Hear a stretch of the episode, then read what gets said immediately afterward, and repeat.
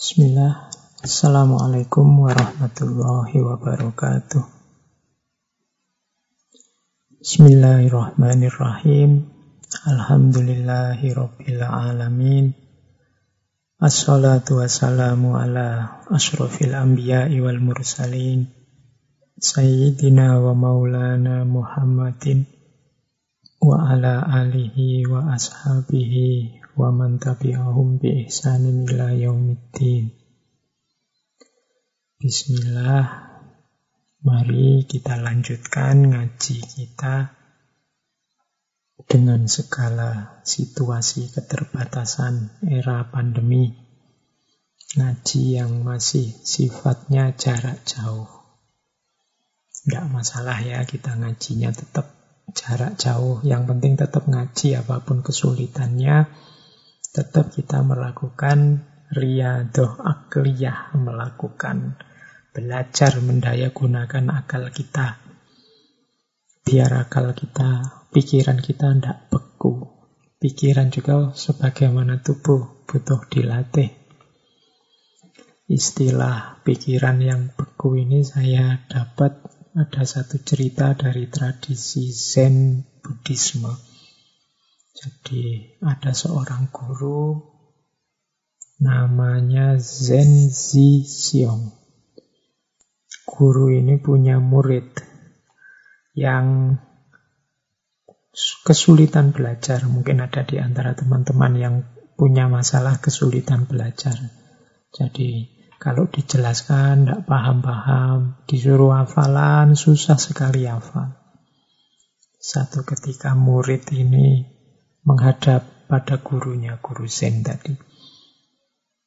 Terus dia mengadu, guru, mbok saya diberi tips gimana caranya sih biar saya itu kalau belajar cepat paham.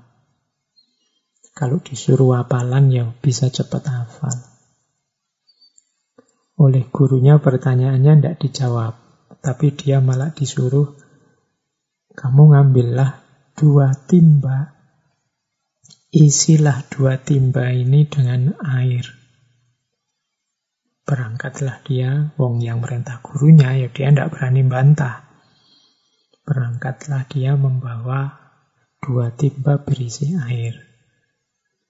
Nah, sekarang tugasmu, katanya gurunya, pergilah ke tengah lapangan di luar sana.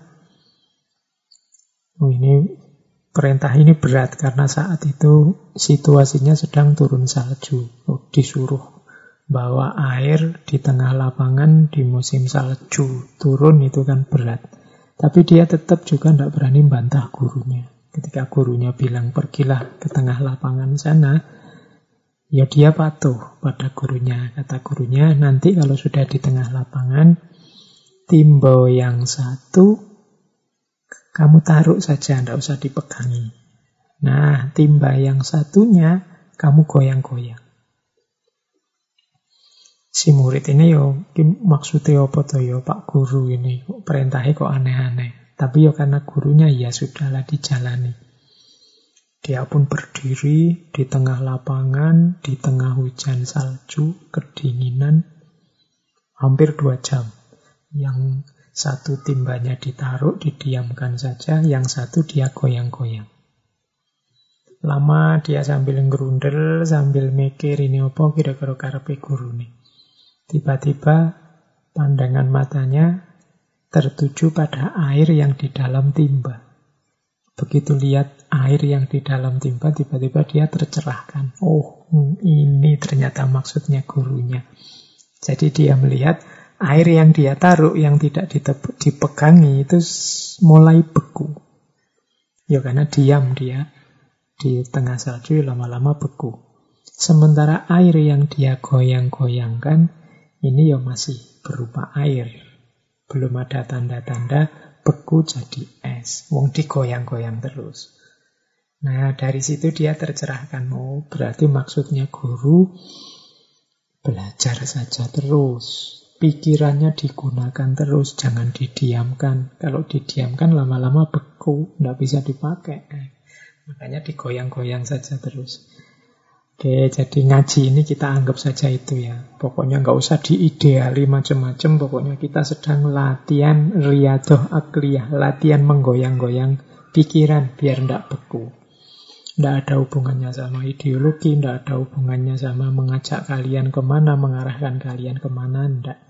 Kita latihan berpikir saja. Karena anugerah Allah yang paling istimewa bagi manusia itu kan pikiran. Akal pikiran kita yang membedakan dari semua makhluknya Allah yang lain. Baik, malam hari ini kita masih ada di tema kepemimpinan.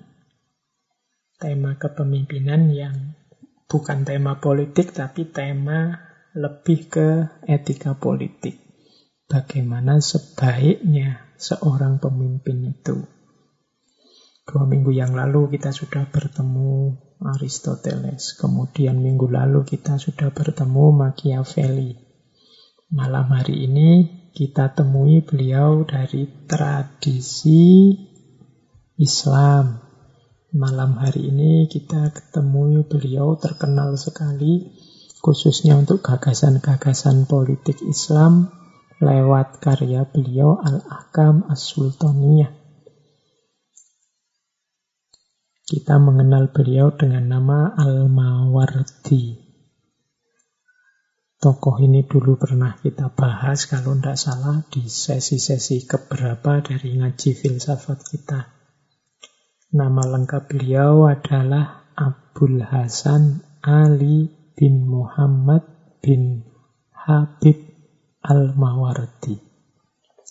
Kalau di barat punya nama panggilan Al-Buasen.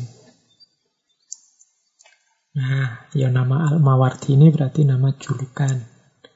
Ini mengikut ayahnya. Kabarnya ayah beliau itu penjual mawar. Mawar itu kalau bahasa Arabnya wardah. Jadi Mawardi ini nisbah pada beliau keturunan seorang penjual mawar, penjual bunga mawar.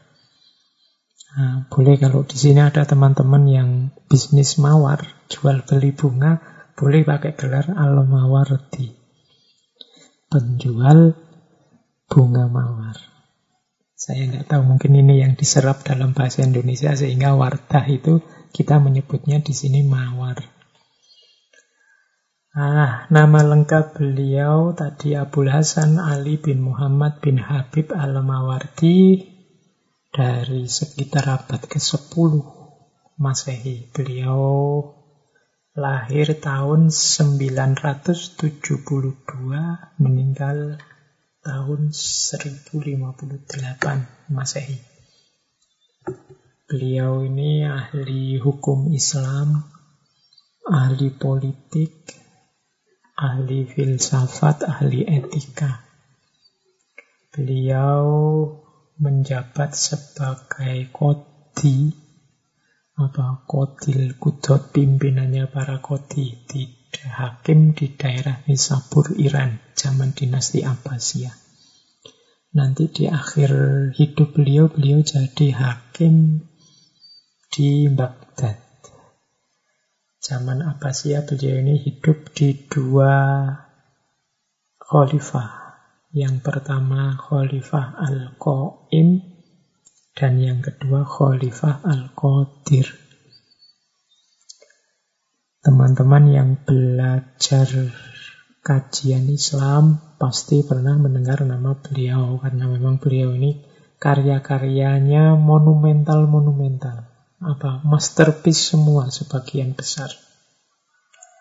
Jadi yang paling terkenal tentunya kitab Al-Ahkam As-Sultaniyah. Oh, itu isinya luar biasa tentang tata pemerintahan. Apa tugasnya pemimpin, apa tugasnya menteri, menteri bagian ini tugasnya apa, menteri bagian itu tugasnya apa, bidang ini tugasnya apa, itu beliau menjelaskan detail sekali. Silakan teman-teman yang ingin belajar politik Islam versinya Al-Mawardi ini. Ini mirip kayak Machiavelli minggu lalu ini ditujukan pada khalifah zaman itu yang berada di bawah pimpinan khalifah Abbasiyah melalui para amir dinasti Buhaihi. Jadi kitab ini monumental. Jauh lebih dulu dibandingkan kemarin The Prince. Kemudian yang tentang politik juga yang terkenal ada Konun Al-Wazaroh. Ini kalau diartikan letter lebih ya undang-undang tentang kementerian.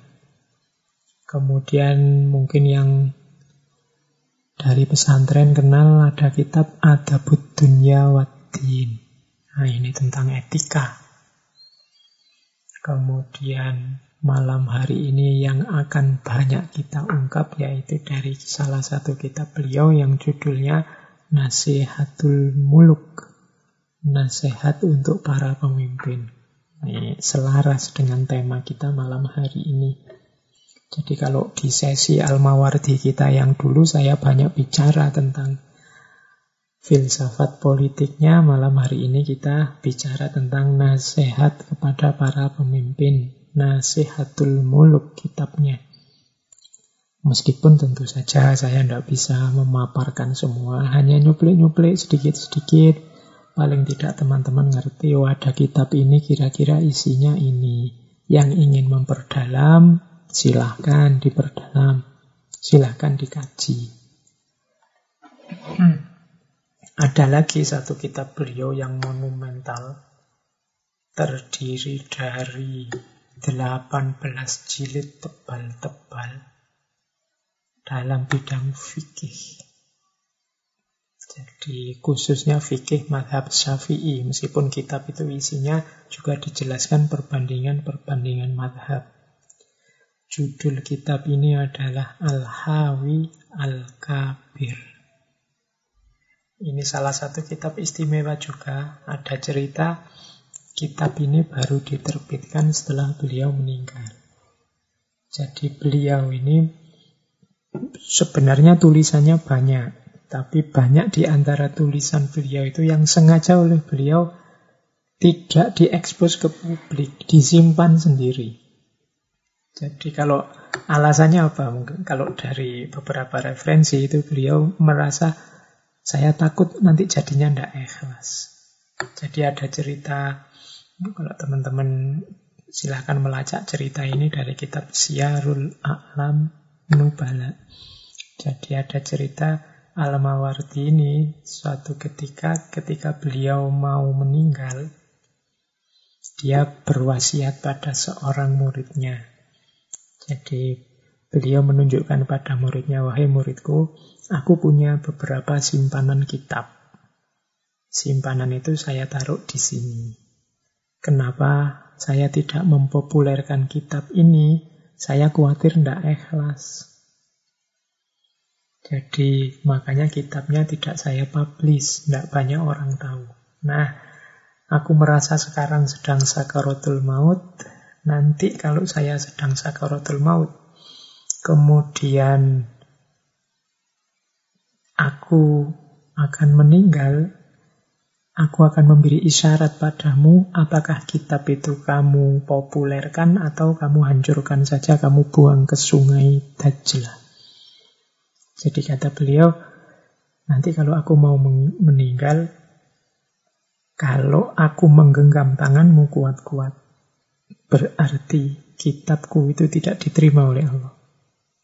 Maka buanglah kitab-kitab itu. Tapi kalau aku lepaskan tanganmu, aku tidak apa? Tidak berusaha meraih tanganmu, berarti amalku, kitabku itu ikhlas. Silahkan nanti kitab boleh kamu sebar untuk kemanfaatan umat.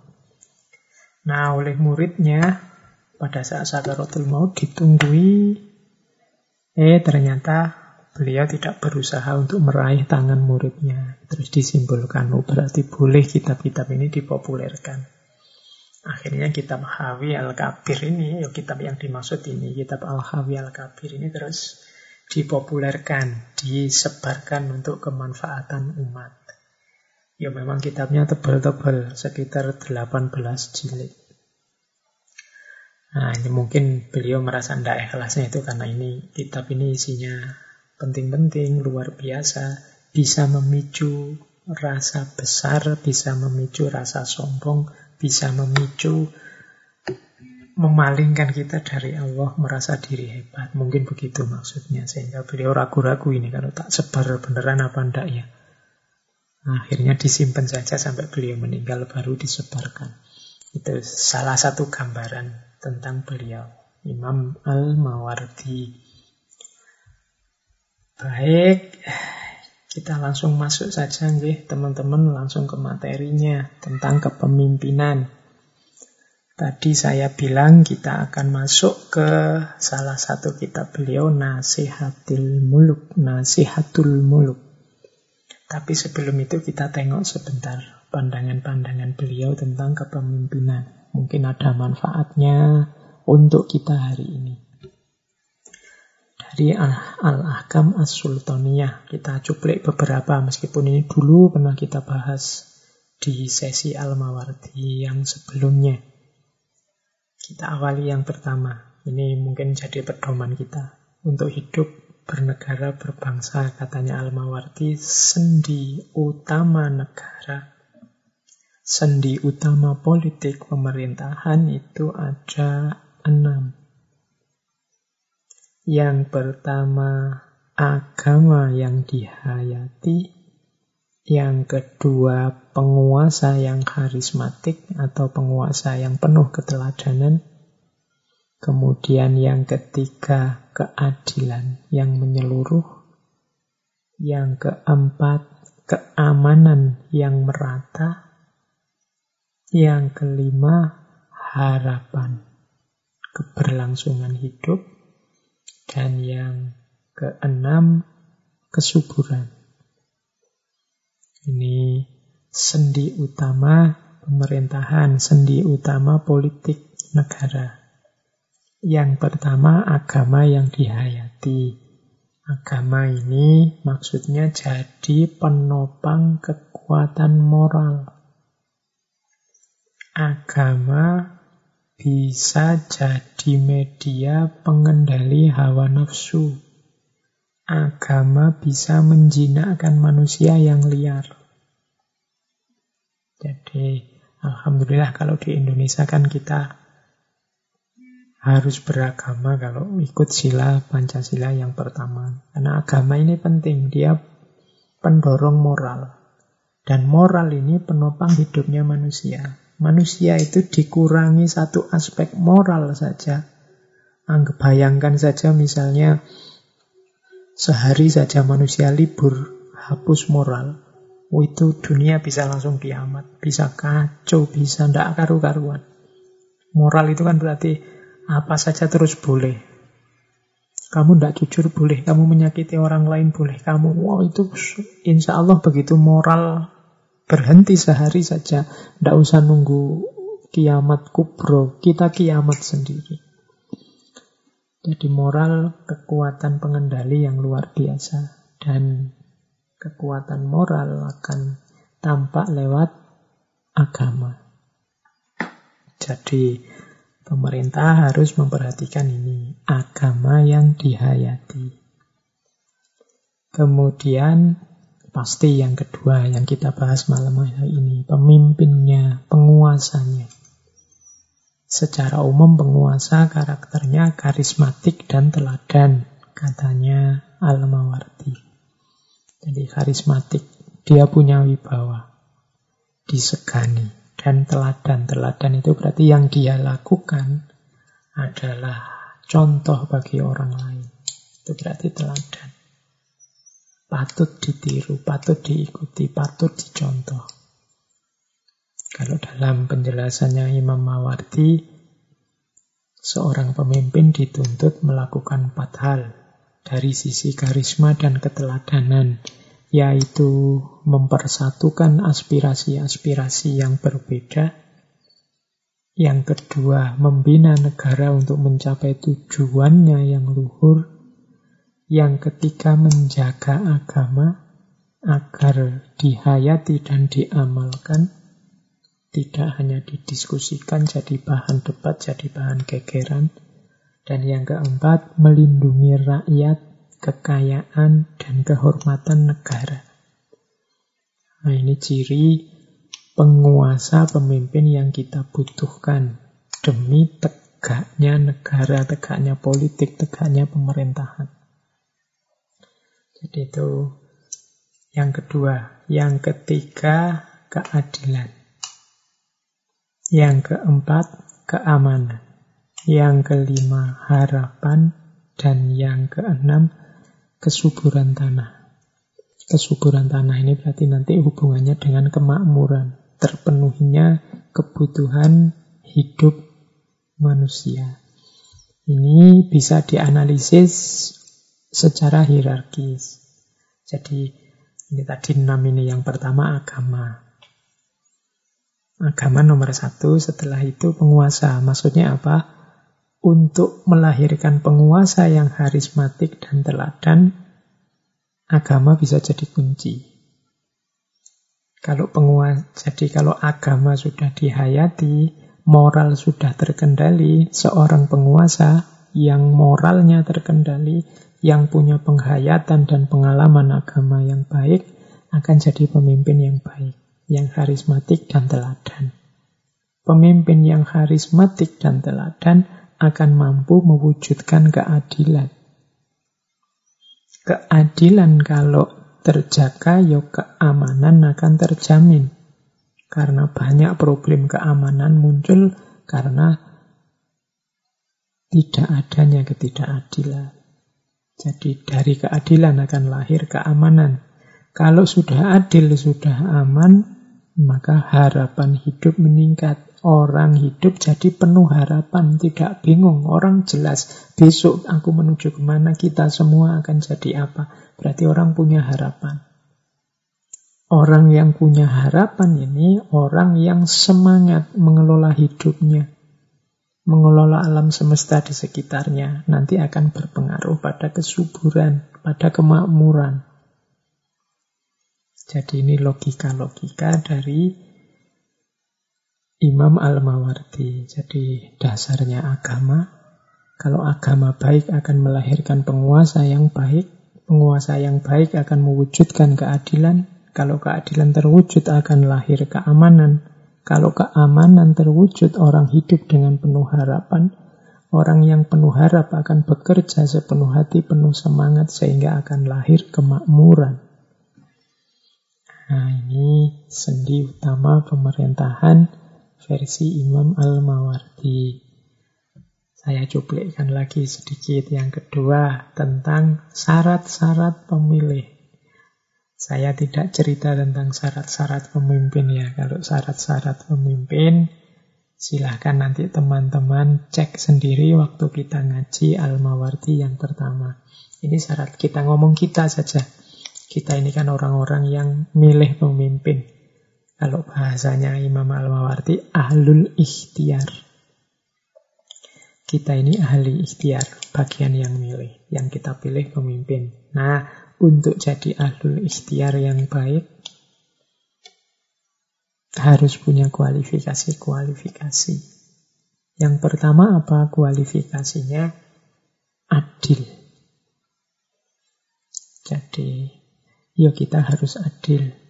Adil itu nama lain dari fair. Tidak berat sebelah. Tidak memihak karena kepentingan. Benar ya diomongkan benar, salah ya diomongkan salah. Kalau jelek ya disebut jelek, kalau baik ya disebut baik. Orang yang punya kualifikasi adil akan jadi pemilih yang baik. Pemilih yang baik pasti pilihannya baik. Kalau pilihannya baik, insya Allah pemimpin yang terpilih juga baik. Kalau pemimpin yang terpilih baik, alamat kepemimpinannya baik dan kita semua akan baik dalam segala hal. Nah, syarat pertamanya apa? Adil. Terus syarat yang kedua, memiliki pengetahuan yang dapat mengantarkannya mampu mengetahui orang yang berhak diangkat sebagai imam sesuai dengan syarat-syarat legal. Kalau yang pertama ini syarat-syarat legal. Jadi biasanya di satu negara, di satu wilayah, satu lembaga itu kan ada syarat-syarat legalnya seorang pemimpin. Kalau di kampus itu biasanya kan ada, kalau rektor syaratnya ini, kalau mau jadi dekan syaratnya ini, kalau di negara ya presiden syaratnya ini, itu syarat-syarat legal. Kita orang yang milih yo ya harusnya ngerti Jangan mentang-mentang Allah, saya bukan pemimpinnya aja kok, saya juga ndak nyalon aja kok, saya ndak ngerti juga ndak apa-apa. Lundang, kita harus tahu karena nanti kita yang memutuskan. Kalau legalitasnya saja ndak terpenuhi, ya berarti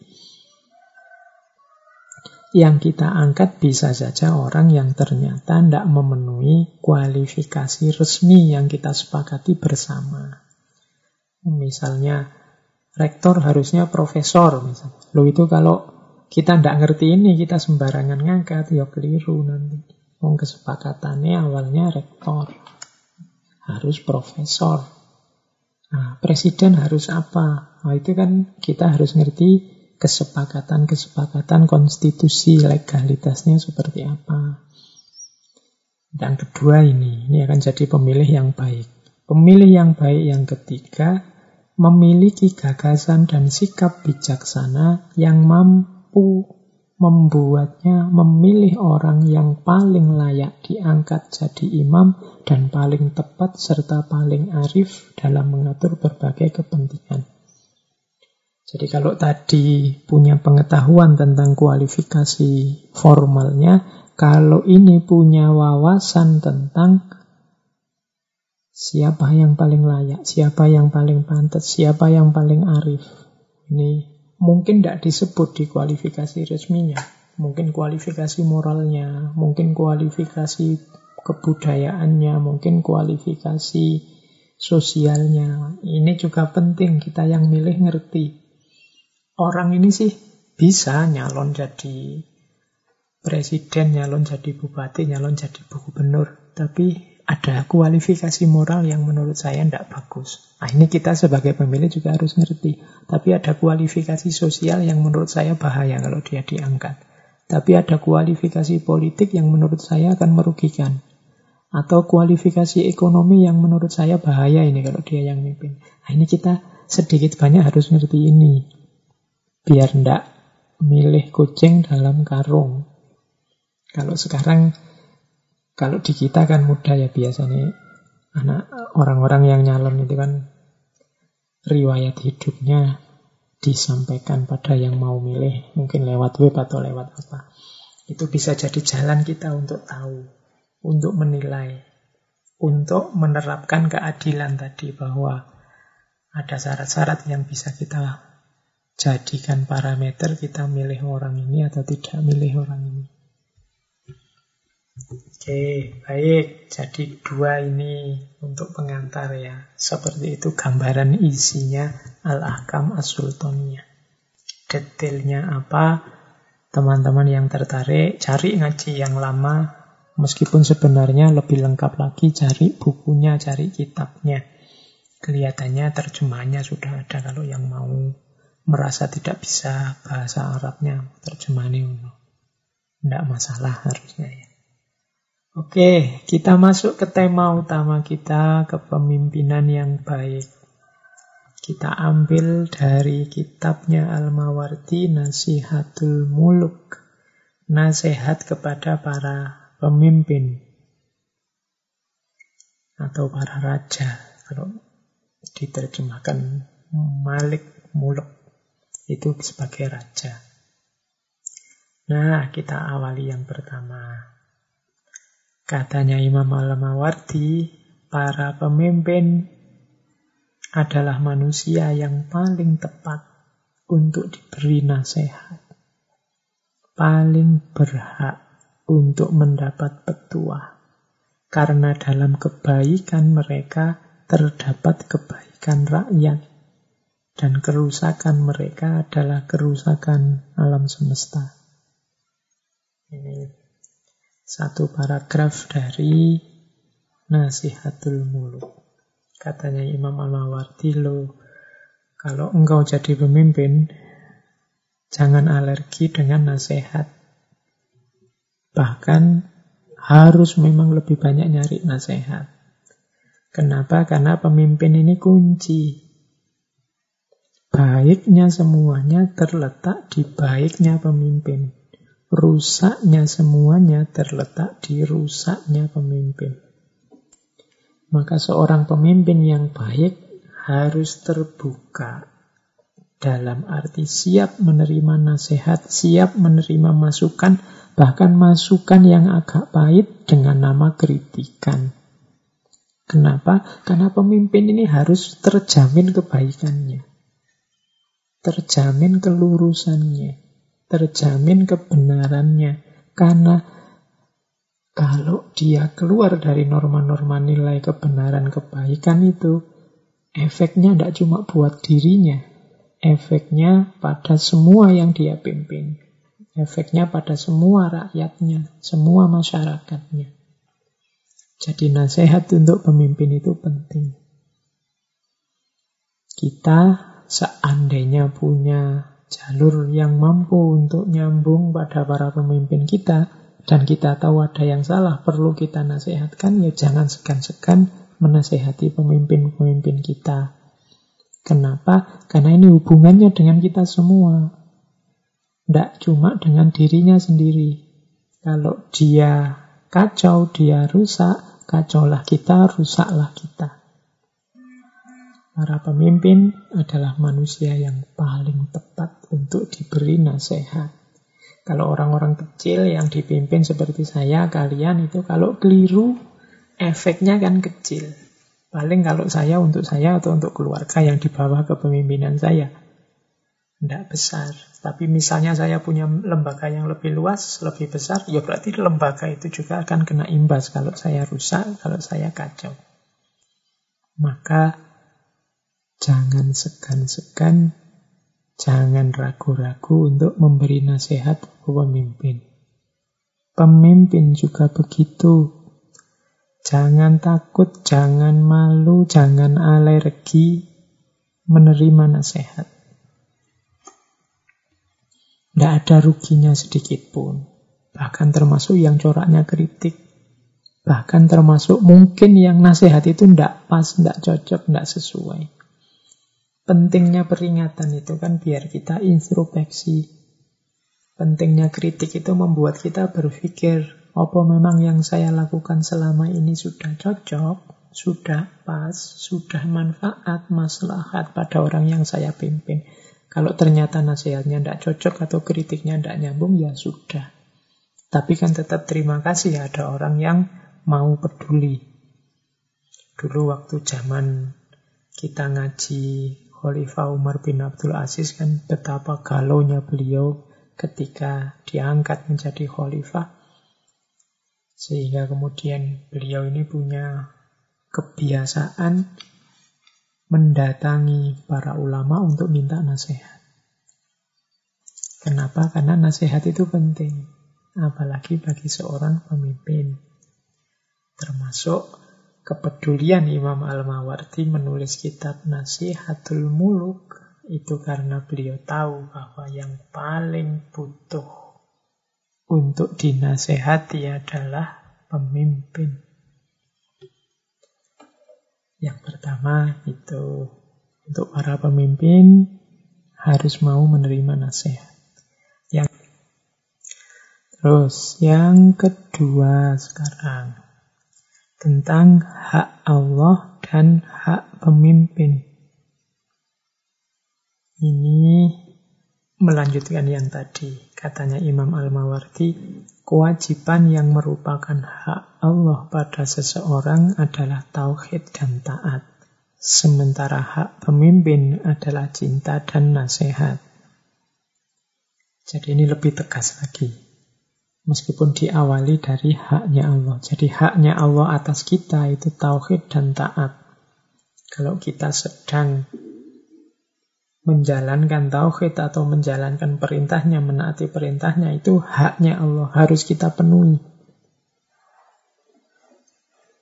Kalau kita tidak memberikan, berarti ada sesuatu yang keliru, itu haknya Allah kok tidak kita berikan, tauhid dan taat. Nah, dengan kias ini kita masuk ke pemimpin. Kalau untuk pemimpin, haknya apa? Cinta dan nasihat. Jadi, al-hubbu wa nasihat. Untuk pemimpin kita berikan cinta kita dan juga nasihat demi kebaikan. Kenapa cinta? Ya, hanya orang-orang yang mencintai, yang peduli, dan mau memberi nasihat. Orang yang tidak cinta itu biasanya cuek. Tidak ada hubungannya sama aku, aku tidak peduli.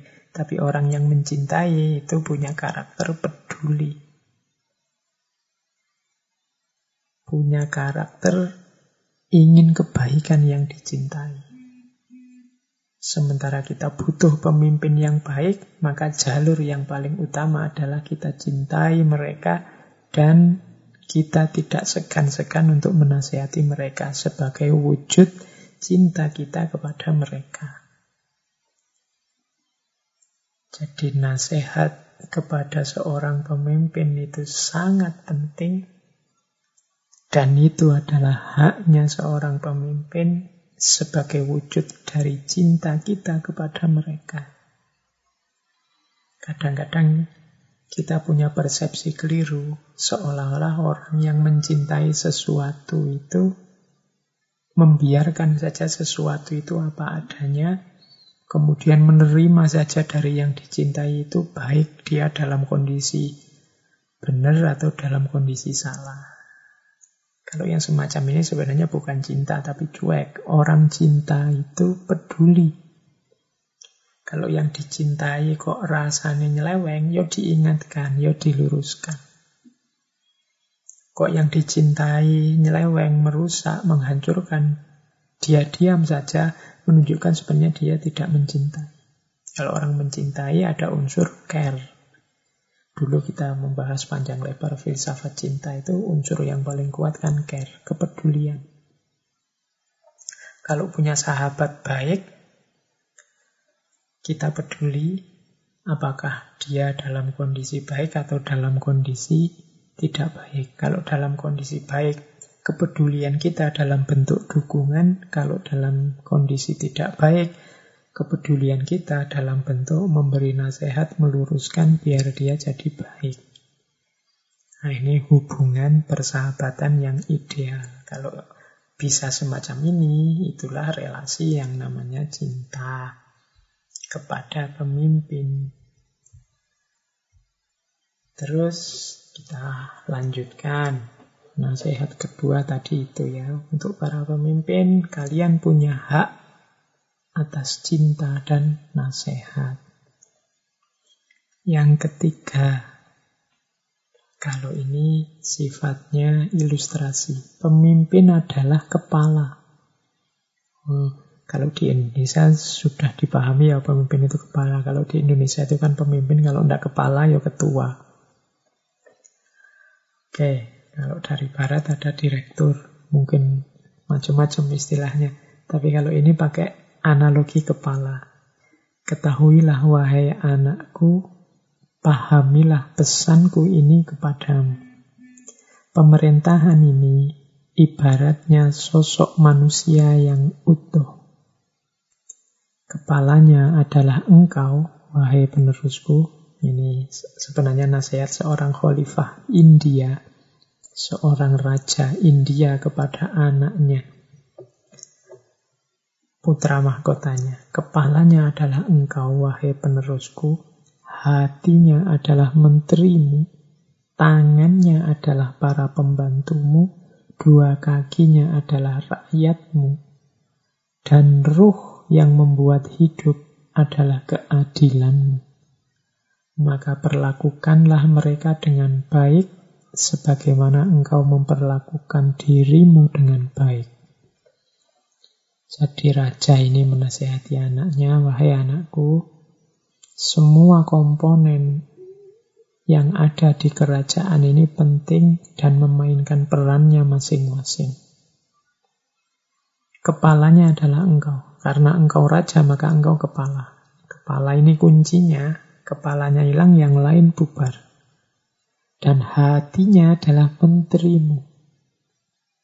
Hati ini kan tempatnya apa hati jantung itu kan tempatnya mompa darah ke seluruh tubuh. Kuncinya kita bisa tegak, hidup, sehat, antara lain hati. Ini dianalogikan dengan menterinya. Para menteri ini yang para pekerja yang menghidupkan, yang menjalankan roda pemerintahan. Kalau tidak ada mereka, ya seperti orang yang hatinya hancur. Akan sakit luar biasa. Tangannya adalah para pembantumu. Ini posisi di bawah menteri, para pekerja, para pembantu. Mungkin yang jabatan-jabatan di bawah. Kakinya adalah rakyatmu. Rakyat ini posisinya paling bawah. Tapi dia menentukan maju tidaknya satu negara. Negara ini mau berjalan ke mana? Kalau kata-kata berjalan itu kan konotasinya kaki arahnya seperti apa, itu kuncinya di rakyat. Karena rakyat adalah kakinya. Dan roh yang membuat hidup, roh ini kan yang menghidupkan. Semuanya lengkap, rohnya tidak ada, ya sia-sia. Rohnya apa? Keadilan. Kalau keadilan tidak jalan, ya berarti negara itu seperti tubuh tanpa roh. Dia jasad saja, dia hanya jenazah. Kepalanya ada, hatinya ada, tangan kakinya ada, tapi tidak ada ruhnya. Sama dengan rajanya ada, menterinya ada, para pembantunya ada, rakyatnya ada, tapi tidak adil. Nah, itu sama dengan jasad saja. Sama dengan seperti mati saja. Jadi pemimpin adalah kepala. Dari semuanya tentunya yang jadi kunci adalah kepalanya. Yang bisa mewujudkan keadilan diawali dari kepala. Kalau kepalanya rusak, di situlah nanti sumber ketidakadilan. Kalau pemimpinnya kacau, di situlah nanti sumber ketidakadilan. Jadi ingat-ingatlah anakku, pemimpin adalah kepala. Pemimpin adalah kuncinya. Terus kita lanjutkan. Selanjutnya, selain kepala, pemimpin adalah hujah. Jadi pemimpin itu hujah atau bukti. Ini unik, Imam Al-Mawardi mengambil kata-kata hujah tapi diarahkan pada istilah sultan. Karena mulianya posisi pemimpin, maka pemimpin disebut pula sultan. Secara bahasa, sultan berarti hujah. Biasanya orang menyebut sultan itu artinya kekuatan atau kekuasaan. Tapi oleh Imam Al-Mawardi, sultan diartikan hujah. Beliau mengambil dari beberapa ayat antara lain misalnya surat As-Soffat ayat 156 yang artinya apakah engkau mempunyai sultan mubin? Sultan mubin di situ memang artinya bukti yang nyata atau hujah yang nyata. Amlakum sultanum mubin. Dan di beberapa ayat yang lain kata-kata sultan itu memang artinya hujah. Maksudnya apa? Pemimpin ini adalah bukti puncaknya. Orang itu melihat satu lembaga, satu institusi, bahkan negara, yang dilihat pertama adalah pemimpinnya. Kalau saya ngomong Amerika hari ini, mungkin yang terbayang, yang terbayang di kepalanya teman-teman kan Donald Trump-nya. Kalau saya cerita Indonesia yang terbayang Pak Jokowi. Kalau saya bilang Korea Utara yang terbayang Kim Jong-un. Dan seperti itu cara memosisikan seorang pemimpin. Ternyata pemimpin ini dia sultannya, dia hujahnya. Berarti apa? Orang menilai lembaga yang dia pimpin, institusi yang dia pimpin, pertama-tama dia yang dilihat sebagai pemimpin. Jadi hujah itu ya dia buktinya. Sama misalnya Imam Ghazali itu disebut hujatul Islam. Dialah buktinya Islam. Kalau ada yang tanya Islam itu baiknya di mana, Islam itu indahnya ajarannya di mana, argumen-argumen kebenaran Islam itu seperti apa, ada hujatul Islam Imam Ghazali. Coba lihat beliau, coba baca karya-karya beliau. Itu hujah. Nah, pemimpin juga begitu. Dia hujah bagi kepemimpinan bagi yang dia pimpin. Dialah argumen, dialah bukti bagi baik atau tidaknya lembaga yang dia pimpin. Maka pemimpin tidak boleh sembarangan. Selain dia kepala, dia juga hujahnya. Baik, kita lanjutkan. Mungkin ambil nafas sebentar boleh teman-teman. Yang sudah siap-siap cemilan, minum, sambil minum boleh. Apalagi ini jarak jauh ya sambil tidur juga boleh. Tidur beneran juga boleh. Besok didengerin lagi kalau sudah ngantuk. Kan rekamannya bisa dicek ulang. Yang penting malam hari ini pikirannya sudah goyang-goyang. Biar tidak beku. Oke, Nah, kita lanjutkan ya. Yang dijalani. Pemimpin, katanya Imam Al-Mawardi, kewajiban pemimpin dalam semua urusan. Hendaknya dia menjadi orang yang paling bersyukur, paling baik menjalankan kewajibannya, perintah-perintahnya Allah, dan paling baik mengurusi dan menjaga rakyatnya. Yang dijalani pemimpin pertama-tama adalah dia harus jadi orang yang paling bersyukur.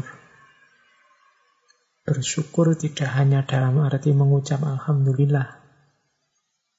Kalau cuma mengucap Alhamdulillah, ya setiap hari kita ucapkan. Meskipun banyak di antaranya tidak dengan sadar. Bersyukur itu berarti apa? Yang pertama, tidak mudah mengeluh apa pun yang terjadi. Orang yang bersyukur itu adalah orang yang ridho terhadap apa pun semua keputusannya Allah. Maka dia tidak mengeluh. Jadi ini berarti apa? Orang ini syukur. Sebenarnya sih ada banyak keinginanku, tapi oleh Allah diwujudkan ini saja atau sampai ini saja. Aku terima, aku syukuri. Ini orang yang bersyukur. Jadi ada banyak hal yang kita syukuri. Hari ini banyak orang yang lupa dengan kata-kata syukur ini. Setiap orang asik dengan kesulitannya sendiri-sendiri, asik dengan keluhan-keluhan hidupnya sendiri, sehingga lupa bahwa banyak sekali anugerah-anugerah Allah yang lain yang tidak pernah kita lirik sedikit pun. Sehingga kita lupa bersyukur. Ketika kita lupa bersyukur, ya akhirnya karena fokus kita hanya pada kesulitan kita, kerumitan hidup kita. Yang akhirnya seolah-olah hidup kita ini mandek macet di situ, tidak berkembang. Padahal Al-Quran itu kan memberi tips kalau ingin hidup ini berkembang semakin baik, antara lain jalannya apa? Bersyukur. La in syakartum la azidannakum wa la in kafartum inna adzabil. Kalau engkau bersyukur, pasti aku tambah.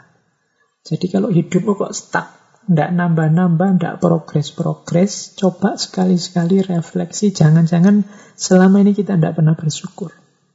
Kita sibuk dengan kesulitan yang itu dan itu-itu saja. Seolah-olah Allah hanya memberi itu saja padamu. Padahal anugerahnya Allah itu tidak terhitung banyaknya. Ini bisa jadi tips buat teman-teman. Bersyukurlah terus. Justru dari situ hidupmu akan berkembang semakin baik. Kalau harta jadi semakin banyak, kalau kemuliaan jadi semakin besar, jalannya apa? Bersyukur. Nah, pemimpin harus ada di level satu orang pertama yang bersyukur. Kalau pemimpinnya saja tidak bisa bersyukur, sibuk mengeluh terus, rasanya gelap terus, susah terus, sementara pemimpin ini cerminan yang dia pimpin, ya sudah berarti semua kepemimpinannya, semua wilayah yang dia pimpin ya nuansanya gelap. Jadi ini nasihat dari Imam Al-Mawardi. Pemimpin itu pertama-tama hendaknya orang yang bersyukur. Kalau yang selanjutnya insya Allah teman-teman sudah paham. Yang paling baik menjalankan kewajiban dari Allah. Yang paling baik mengurusi dan menjaga rakyatnya. Ini sebenarnya semacam dorongan, semacam provokasi dari Imam Mawardi pada para pemimpin. Kalau saya ngomong para pemimpin, jangan dibayangkan orang-orang tinggi di luar teman-teman ya. Kita juga kan pemimpin. Kita memimpin di level kita masing-masing. Berarti ya, ayo berusaha sebaik-baiknya menjalankan perintahnya sehubungan dengan kepemimpinan kita dan mengurusi, menjaga yang ada dalam tanggungan kepemimpinan kita. Jadi bersyukur, kemudian memperhatikan kebaikan hubungan kita dengan Allah sehubungan dengan kepemimpinan dan memperhatikan hubungan kita dengan orang-orang yang kita pimpin. Ini yang harus menjadi perhatian seorang pemimpin. Selanjutnya, kalau, kalau tadi yang harus dijalani, kalau ini yang harus dijauhi. Di antara kewajiban pemimpin adalah hendaknya ia menjadi orang yang sepenuh hati menjauh dari kerendahan, membersihkan diri dari kekotoran, meninggalkan apa yang menjatuhkan harga diri, dan merusak kehormatan. Ini kalimatnya puitis indah, tapi kalau dijalankan perlu wawasan-wawasan ilmu-ilmu yang luas. Makanya pemimpin juga tidak boleh merasa sudah pinter, sudah bisa, sudah ngerti. Dia harus siap selalu belajar biar kualitas kepemimpinannya juga meningkat. Yang harus dijauhi pemimpin adalah menjauhi kerendahan. Kerendahan itu hal-hal yang menjatuhkan martabat kemanusiaannya. Jangan melakukan hal-hal yang menjatuhkan status manusia kita menjadi asfala safilin, yang bahkan lebih rendah dari binatang. Dalam sejarah banyak pemimpin-pemimpin yang kesannya di kepala kita ini pemimpin-pemimpin yang lebih kejam bahkan dari binatang, yang lebih sadis bahkan dari binatang, yang lebih hewan dari hewan itu sendiri sampai asfala safir itu berarti pemimpin yang tidak menjauhi apa yang seharusnya dia jauhi karena pemimpin harus menjauh dari hal-hal yang merendahkan martabat kemanusiaannya tidak pantas seorang pemimpin melakukan hal-hal yang asfala safilin. Kemudian membersihkan diri dari kekotoran. Maksudnya kekotoran-kekotoran jiwa.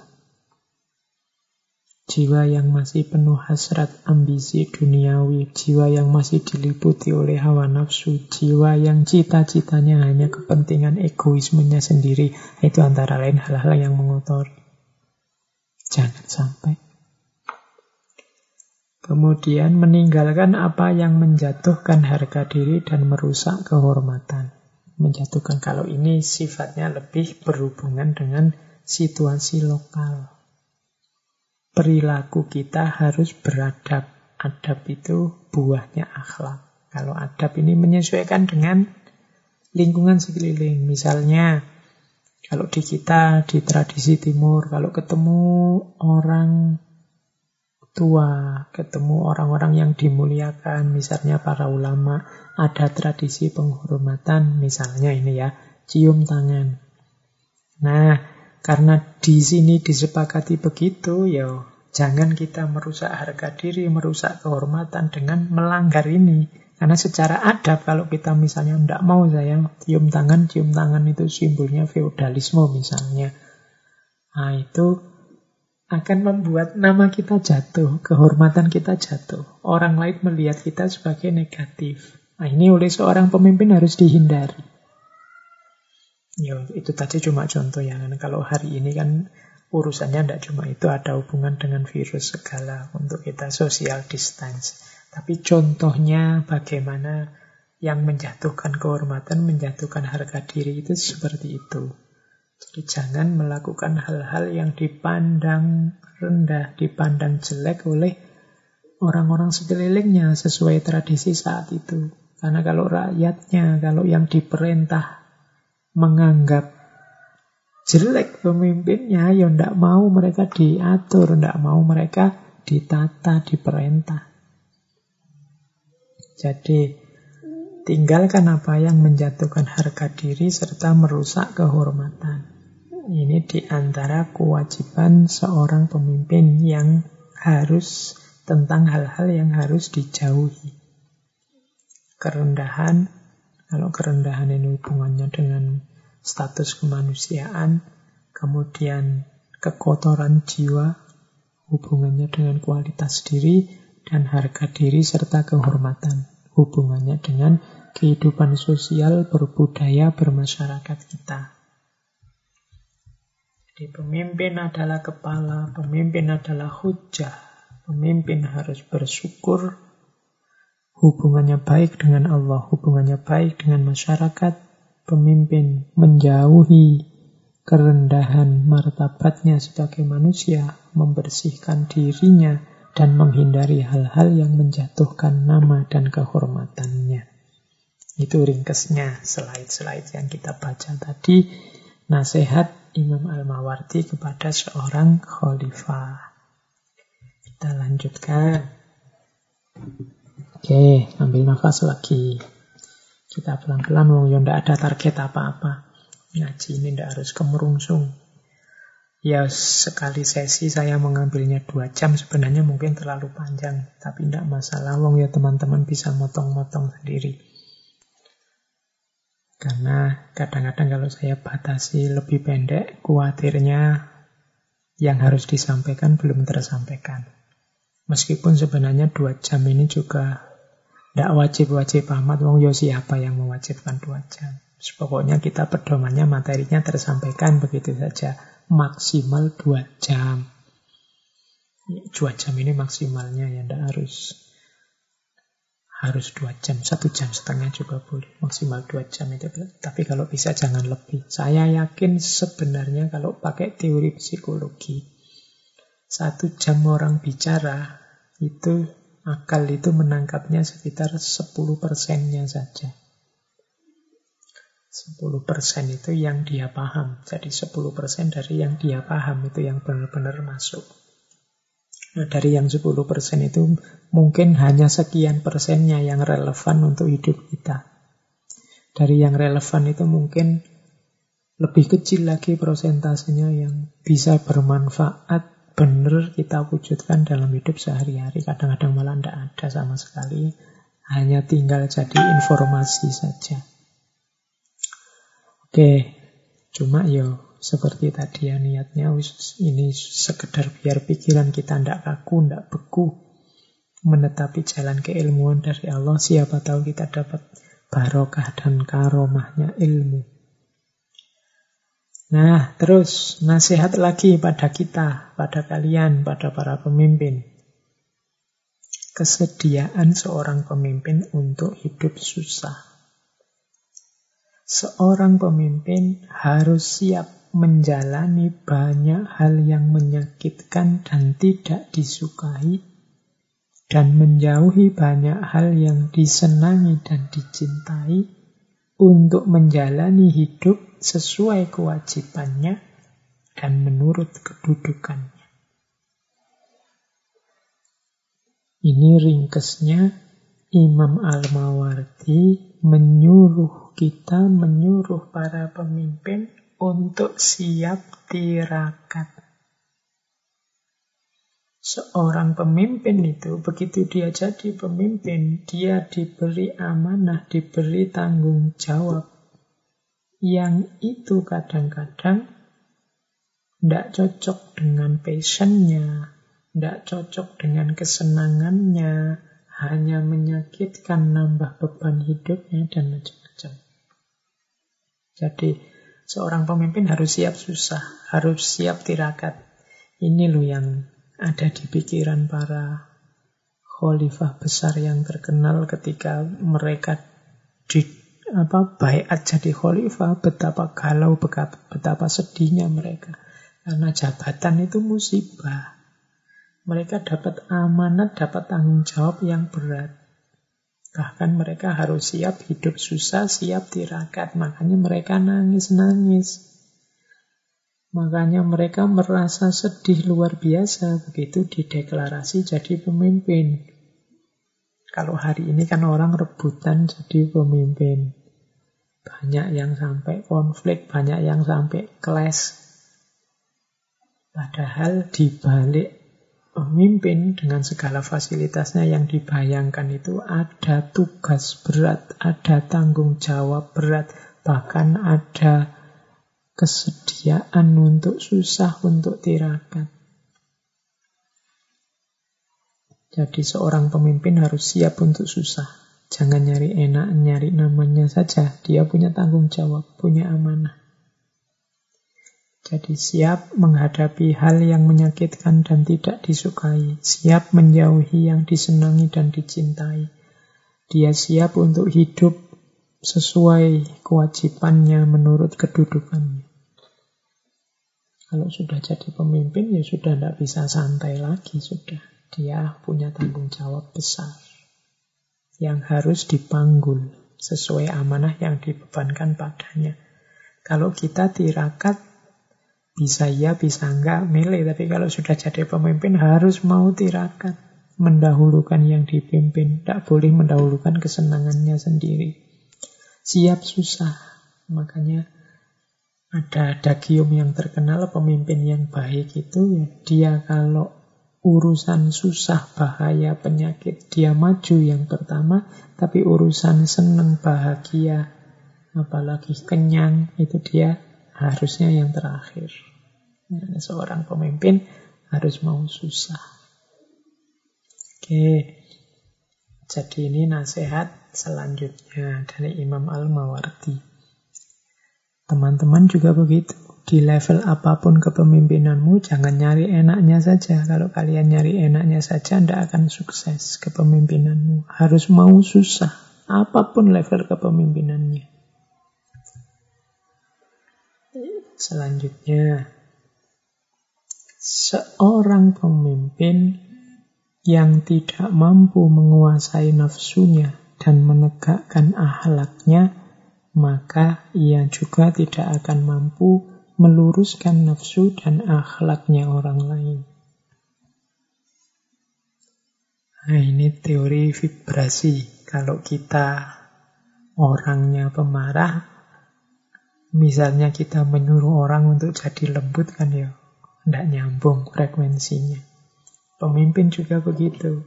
Dia kalau ingin rakyatnya tidak diliputi oleh nafsu, ingin rakyatnya berakhlak dan bermoral, maka dia sendiri pertama-tama harus membereskan nafsunya dan membereskan akhlaknya. Kalau kita males, kemudian menasehati adik kita untuk tidak males, insya Allah nasihatmu tidak akan ampuh, tidak akan manjur. Kalau kamu sering curang, sering bohong, kamu menyuruh temanmu untuk tidak curang dan tidak bohong, insya Allah nasihatmu tidak akan dituruti oleh temanmu. Tidak nyambung, tidak akan bisa menyentuh dia. Karena engkau ada di frekuensi yang sebaliknya. Sementara engkau menyuruh yang sebaliknya lagi. Ini mungkin bisa jadi patokan bagi teman-teman mungkin yang sudah punya anak atau punya adik. Susah sekali disuruh belajar, susah sekali disuruh ngaji, susah sekali disuruh bantu melakukan kebaikan. Jangan-jangan Bukan karena dianya yang kualifikasinya begitu, tapi kita yang merentah, yang duluan punya kualifikasi itu. Sehingga perintah kita tidak menyentuh batinnya. Nah, pemimpin juga begitu. Kalau ingin rakyatnya tirakat, dia harus tirakat duluan. Kalau ingin yang dia pimpin tertib, disiplin, dia harus tertib dan disiplin duluan. Kalau dia merintah disiplin, dia sendiri tidak disiplin, percayalah engkau sebagai pemimpin hanya akan diketawakan oleh orang-orang yang engkau pimpin. Perbaiki diri, ayo kita bareng-bareng memperbaiki diri. Demi suksesnya kepemimpinan kita di level apa pun. Dahulukan diri kita sendiri, baru orang lain. Terus pemimpin juga harus cerdas, mampu mendaya gunakan akal. Kalimatnya Imam Mawardi, seseorang tidak akan mampu menguasai dirinya kalau ia tidak mampu mendahulukan akal atas wataknya, pikiran atas hawa nafsunya. Jadi pemimpin ini harus cerdas, harus pinter, dan dalam hidupnya harus bisa menaklukkan nafsunya, menaklukkan wataknya yang jelek dan memenangkan akal dan ilmunya. Jadi kadang-kadang orang itu yang menang nafsunya, akalnya di bawah. Sehingga akal sering dipakai untuk membenarkan yang salah hasil perbuatan nafsu. Ada orang yang mengunggulkan karakter atau wataknya yang jelek. Akalnya di bawah. Sehingga yang jelek itu dia carikan pembenaran dengan akalnya seolah-olah yang jelek jadi benar. Nah, Imam Al-Mawardi menyuruh kita akalnya yang lebih utama. Yang mengontrol nafsu, yang mengontrol watak. Kalau pakai bahasa yang lain mungkin ilmunya. Hasilnya akal itu kan pengetahuan. Pengetahuan kalau sudah jadi mateng kan namanya ilmu. Jadi dalam hidup kita, ilmu kita yang harus menang.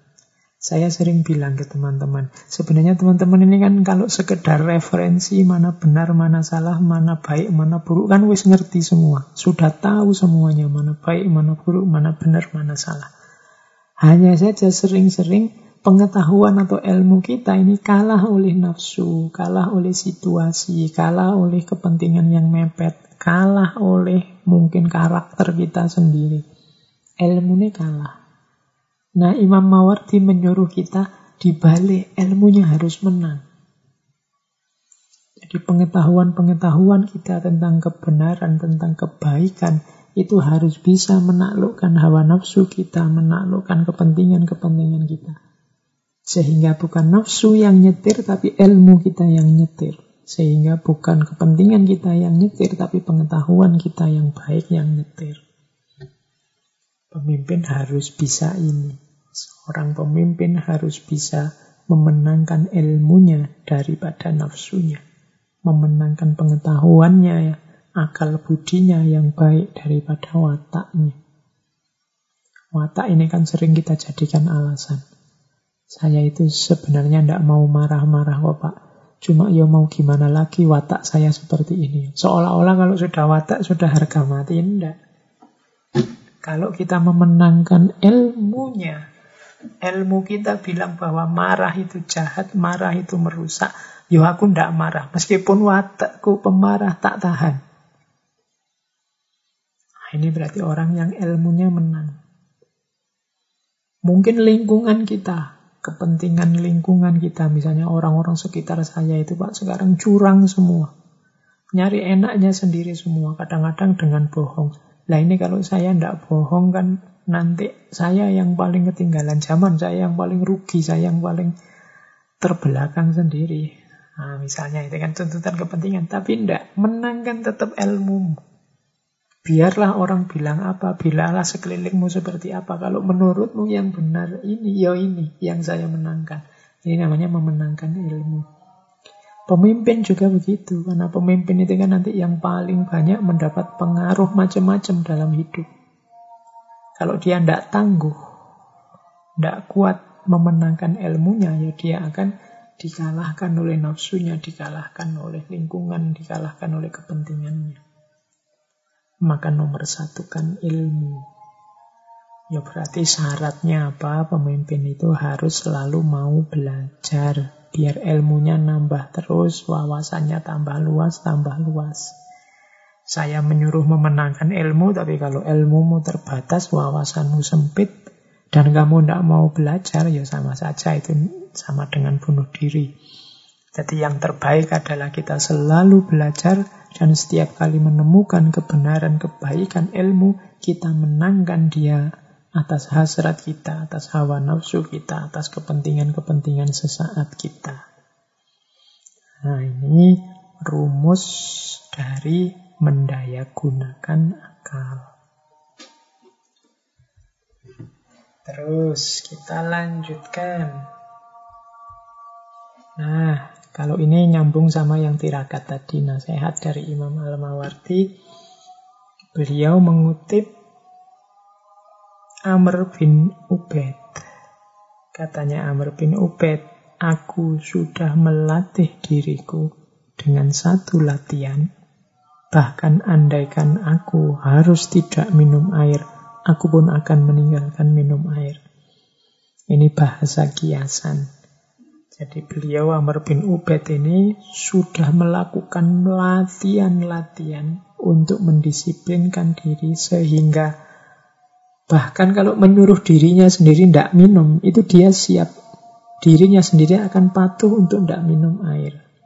Nah ini kan menunjukkan kemampuan orang untuk menaklukkan diri, mendisiplinkan diri. Ya mau memahaminya jangan letter lah. Ibaratnya begitu, tapi kan tidak tidak mungkin kita, ayo jangan minum air, kecuali kalau pas lagi puasa. Tapi hidup kita sebenarnya sukses tidaknya kuncinya adalah mampu atau tidak kita mendisiplinkan diri kita. Ini nyambung sama ilmu tadi ya. Kita itu punya banyak ideal-ideal hidup. Punya banyak rumus-rumus kesuksesan. Kalau sekedar motivasi, kiri kanan kita hari ini lewat medsos, lewat YouTube itu isinya motivasi-motivasi KB. Teman-teman referensi banyak. Kuncinya cuma satu, kemauan kita mendisiplinkan diri. Apalagi teman-teman yang muda. Misalnya saya semester ini ingin setiap kali sebelum subuh nanti saya bangun jam 3 sholat tahajud setelah itu mau nulis punya karya, nulis sampai subuh, sudah subuh sholat. Saya ingin istiqomah begitu. Nah, niatnya wis tapi biasanya waktu eksekusi yang jelek istiqomahnya. Istiqomah itu kan nama lain mendisiplinkan diri ini. Mungkin malam pertama, malam kedua, malam ketiga jalan, tapi lama-lama kena pengaruh macam-macam. Mungkin sudah alarmnya bunyi jam 3 mau bangun, ah nanti ah sebentar lagi. Nambah-nambah 5 menit juga tidak apa-apa, akhirnya bablas. Mungkin sudah pegang pulpen mau nulis, an nulis sedikit sajalah. Alah, mak, pagi ini tidak usah nulis lah, kemarin nulisnya sudah agak banyak, akhirnya tidak jadi nulis. Mau sholat tahajud juga, kemarin sudah awalnya 10 rokaat atau 12 rokaat, kemudian malam kedua anda usah banyak-banyak, yang penting kan mantepnya hati, yang penting kan dekatnya sama Allah. Ini bibit-bibit semacam ini biasanya menghancurkan disiplin diri. Pemakluman-pemakluman kita yang terus-menerus terhadap ketidakdisiplinan kita ini biasanya menghancurkan program dan rencana ideal kita. Seorang pemimpin harus punya daya disiplin diri yang kuat. Kalau tidak mungkin kalian susah nanti jadi pemimpin di level apa pun. Latihanlah. Tadi beliau Amr bin Ubaid kan latihan. Aku sudah latihan. dengan satu latihan keras sehingga pokoknya diriku ini manut 100% dengan yang aku perintahkan. Bahkan kalau aku perintah tidak usah minum air lagi, dia tetap juga akan mau tidak minum air lagi. Ayo teman-teman yang muda kan biasanya cita-citanya banyak, karpe akeh. Disiplinkan diri, kunci suksesmu di situ.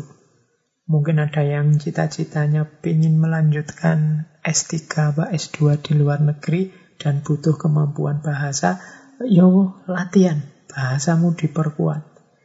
Ini juga butuh disiplin diri yang luar biasa. Saya juga punya pengalaman bolak-balik belajar bahasa itu kuncinya disiplin. Begitu tidak disiplin ya bubar. Niatnya nambah kosakata. Terus sehari ditulis di kamar zaman saya mahasiswa dulu itu sehari pokoknya nambah lima kosakata. Wah, ditempel di kamar. Hari pertama nulis lima dihafalin, diingat-ingat. Hari kedua nulis lagi lima. Belajar bahasa Inggris zaman dulu begitu. Tapi terus ya sampai hari keberapa terus alah males. Sampai hari keberapa terus enggak jadi. Besok aja lah. Alah ditunda besok langsung 10 juga sanggup kok cuma ngapalin kata aja. Eh, lama-lama sudah bubar, enggak jadi latihan, enggak jadi ahli bahasa Inggris. Itu kita khianati sendiri program ideal kita. Ternyata kesulitannya di disiplin diri. Nah, teman-teman muda hari ini godaannya lebih banyak. Kadang-kadang niatnya sudah mau bikin tulisan atau mau baca apa, dengerin apa, mau hafalan apa. Oh, Qurannya sekarang sudah ada di HP kok Pak. Bukunya sekarang sudah ada di HP kok Pak. Begitu pegang HP, oh, yang diotak-otak yang lain, yang dilihat yang lain, lama-lama program utamanya tergeser tidak jalan lagi. Nah, ternyata kita sering kalah oleh diri kita sendiri. Kuncinya berarti apa? Ayo mendisiplinkan diri. Jangan mau kalah terus. Sekali-sekali kita harus menang. Sekali-sekali menang, dua tiga kali menang, lama-lama menang. Dan kemenangan akan jadi karakter kita. Kekuatan mendisiplinkan diri akan jadi watak kita. Tidak apa-apa dikritiki, misalnya kamu terlalu kaku, hidupmu kurang ngopi, macam-macam nanti di antara godaannya itu. Terlalu serius, kemantepan, macam-macam. Tidak apa-apa didengarkan saja, tapi ayo latihan menaklukkan diri. Sebagaimana dinasihatkan oleh Imam Mawardi. Terus, nah, kalau ini agak dalam. Kesesuaian antara kata dan perbuatan. Ini wajib bagi seorang pemimpin yang diomongkan dengan yang dilakukan harus nyambung. Di situ ada ilustrasi kisah dari Khalifah Abdul Malik bin Marwan. Jadi satu ketika Khalifah Abdul Malik bin Marwan ini punya jadwal khutbah. Dia akan berkhutbah di Mekah. Saat beliau naik ke mimbar, tiba-tiba ada seorang laki-laki berdiri sambil berkata. Nah, mungkin kalau hari ini semacam interupsi. Sebentar, sebentar. Jadi semakin nahan dulu, Khalifah. Jangan naik mimbar dulu. Engkau yang memerintah dan bukan engkau yang menjalankan. Engkau yang melarang, bukan yang menjauhi. Ini maksudnya apa? Tugasmu itu kan tiap hari hanya merintah. Kita yang diperintah. Tapi apa engkau menjalankan? Ini pertanyaan retorisnya begitu. Engkau yang melarang, tapi bukan engkau yang menjauhi. Engkau selalu selama ini kan kamu selalu bilang warga negara yang baik ini ini ini, warga negara yang baik dilarang itu itu itu itu. Lu apa engkau juga menjalani? Apakah kita mengambil contoh dari kehidupanmu ataukah kita taati perintah dari mulutmu? Ini laki-laki ini menggugat kami ini harus ikut yang kamu omongkan atau kita ikuti yang engkau lakukan. Karena ini beda. Tadi kamu cuma merintah saja, cuma melarang saja, tidak menjalankan. Kalau ikut kata-katamu, ya kita jalankan yang dari yang kamu katakan. Tapi kalau harus mengikuti yang kamu lakukan, ya kita tidak menjalankan seperti yang engkau katakan. Kalau engkau berkata, ambillah contoh dari kehidupan kami, kehidupan kami yang mana? yang bagaimana dan apa dasarnya. Oh, ini ngeritiknya rada tajam ini ya. Jadi dia ngeritik Khalifah Abdul Malik bin Marwan, kalau engkau bilang bahwa tirulah kami, teladanilah kami, yang diteladani bagian mana? Alasannya apa harus meneladani itu? Kelakuanmu seperti apa yang harus kita teladani itu? Apabila engkau berkata, taatilah perintah kami dan terimalah nasihat kami, bagaimana bisa menasihati orang lain bagi orang yang menipu dirinya sendiri? Nah, tapi kalau engkau bilang, patuhilah nasihatku, patuhilah apa yang aku nasihatkan kepadamu, loh, bagaimana engkau bisa menasihati orang sementara engkau menipu dirimu sendiri? Atau pakai bahasa lain, engkau tidak bisa menasehati dirimu sendiri. Gimana bisa engkau menasehati kami? Terakhir, sebenarnya kuncinya di sini. Bagaimana kita wajib taat kepada orang yang tidak jelas keadilannya? Ini sebenarnya kunci kritiknya laki-laki itu di situ. Cuma kita ambil seorang pemimpin itu harus satu antara kata dan perbuatannya. Yang dia omongkan apa, yaitu yang dia lakukan. Pemimpin tidak boleh mencela-mencele. Kemarin apa, sekarang apa. Kalau katanya orang Jawa, esok tempe, sore dele. Pemimpin tidak boleh seperti itu karena dia harapannya masyarakat. Tegak atau runtuhnya masyarakat ada di tangannya. Maka yang dia harus jadi orang yang konsisten dalam kata-kata dan perbuatannya. Nah, itu kisah tentang Khalifah Abdul Malik sebagai ilustrasi kesesuaian antara kata dan perbuatan. Baik, kita lanjutkan lagi. Semoga masih belum capek, belum ngantuk mendahulukan amal baik bukan sekedar tutur kata yang baik. Nah, ini sesuatu yang berbeda lagi kalau tadi konsisten antara kata dan perbuatan. Kalau ini jangan cuma ngomong saja. Dahulukanlah perbuatan. Perbuatan baik itu lebih utama daripada sekedar kata-kata yang baik. Jangan engkau pamerkan pandanganmu yang hanya baik dalam kata-kata saja, namun tidak dalam perbuatan. Karena kalau engkau menyampaikan kepada pendengar sesuatu yang tidak sama antara kata dan perbuatanmu, hanya akan menunjukkan kejelekanmu.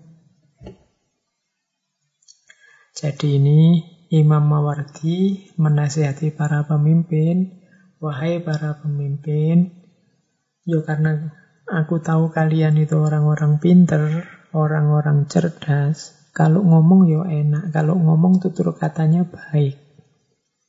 Tapi tolong perhatikan juga amalmu, perhatikan juga perbuatanmu. Dia juga harus baik seperti kata-katamu. Karena kalau tidak sama, kalau ngomong sih tinggi-tinggi, baik luar biasa, tapi perbuatannya kok malah blunder.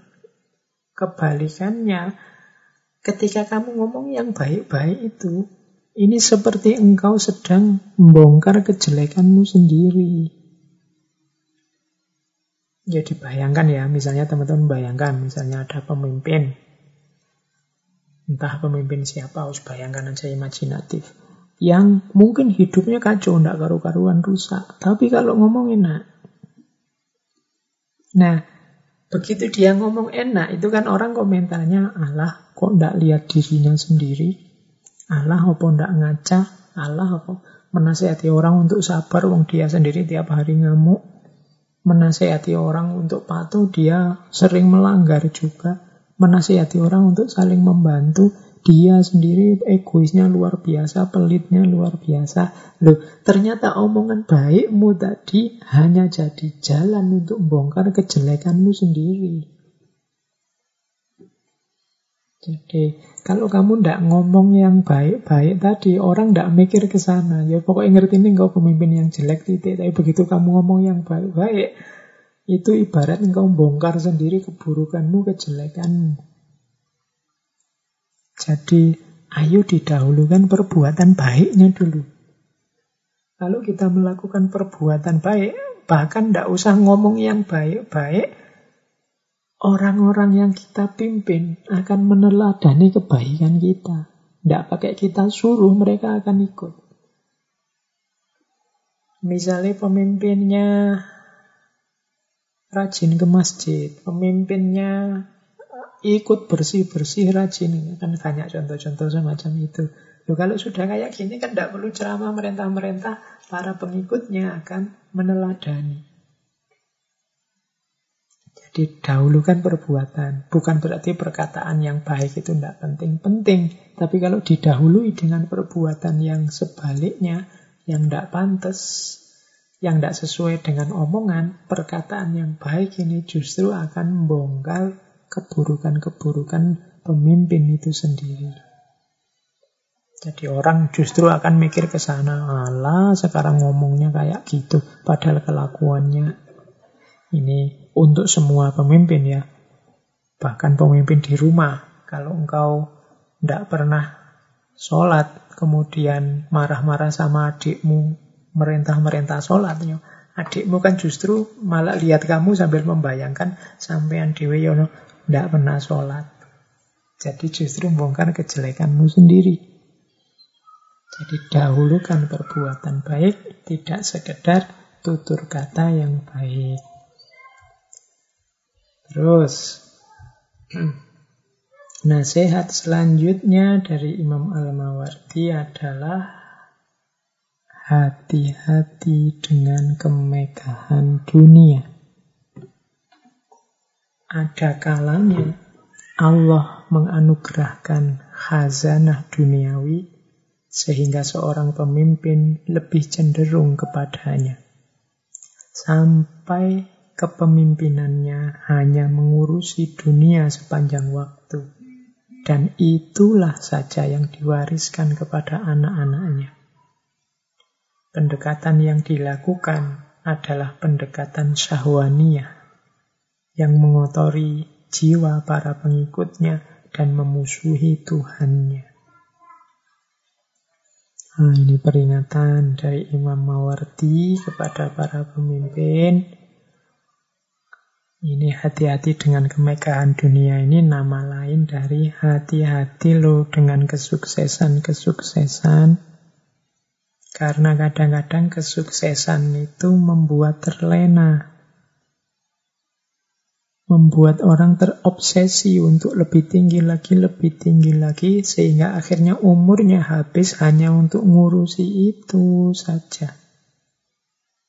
Apalagi kalau itu kesuksesan duniawi yang sifatnya materi.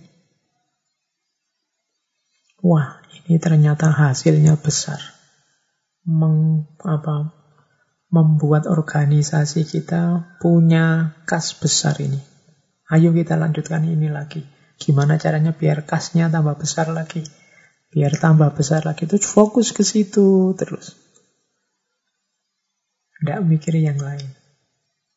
Karena kesuksesan itu kadang-kadang memang menipu, membuat terlena. Sampai akhirnya kehilangan ruh organisasinya. Dan hanya itu yang diwariskan kepada anak-anaknya, kepada para penerusnya. Akhirnya apa yang diwariskan hanya syahwaniyah. Syahwaniyah itu ya hidup yang diliputi, diobsesi, diburu-buru oleh syahwat saja. Syahwat itu terjemah mudahnya ya nafsu duniawi, keinginan-keinginan keduniaan yang sementara. Padahal yang duniawi itu kan rumusnya dipenuhi secukupnya. Begitu dia berlebihan, bahaya. Bisa mengancam yang punya. Apa saja. Makan, minum, seks, harta, apalagi segalanya. Kesuksesan, ketenaran, kepopuleran, itu posisikan sekedarnya secukupnya saja. Begitu berlebihan, dia membuat terlena dan kadang-kadang malah menghancurkan. Maka ada kalanya justru Allah memberi kesuksesan itu dalam rangka bukan anugerah tapi ujian. Sehingga kita dituntut untuk begitu sukses dituntut introspeksi. Ini setelah aku sukses ini apa yang harus aku lakukan? Karena begitu kita keliru menyikapi bisa seperti yang dinasihatkan oleh Imam Mawardi ini. Membuat orang terobsesi di situ, stuck di situ, hanya perhatiannya pada dunia saja, tidak pernah mikir yang lain. Dan hanya ini yang diwariskan kepada anak-anaknya. Akhirnya kita punya generasi yang pikirannya hanya isi syahwat. Dan ini mengotori generasi selanjutnya. Eh, maka hati-hati. Karena kalau pikiran fokus ke situ terus, yang semacam ini kalau pakai teori vibrasi kan ini ditularkan. Tidak punya ditularkan ke kiri kanan sekitar kita, bahkan ke anak-anak kita, generasi penerus kita. Kalau di rumah misalnya kita sama anak-anak, sama saudara, sama adik-adik kita, temanya hanya uang, ya pikiran mereka nanti juga akan terpengaruh ke sana. Melihat apa-apa dari perspektif nilai uangnya. Baik, itu nasihat kesekian. Nasihat selanjutnya bagi para pemimpin. Katanya Imam Mawardi, wahai pemimpin, wajib bagi seorang pemimpin yang utama, yang mungkin menginfakkan hartanya atau melakukan kegiatan yang utama, sehingga dia dipuji oleh orang-orang bodoh, juga dipuji oleh penyair-penyair penipu. Ini saya terjemahkan letterlek ya.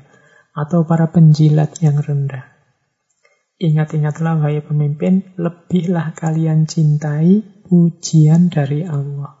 Kemudian pujian orang-orang yang utama dari umat Islam. Maksudnya begini, ya pemimpin itu mungkin dia sukses, mungkin dia dicintai sehingga banyak pujian yang datang.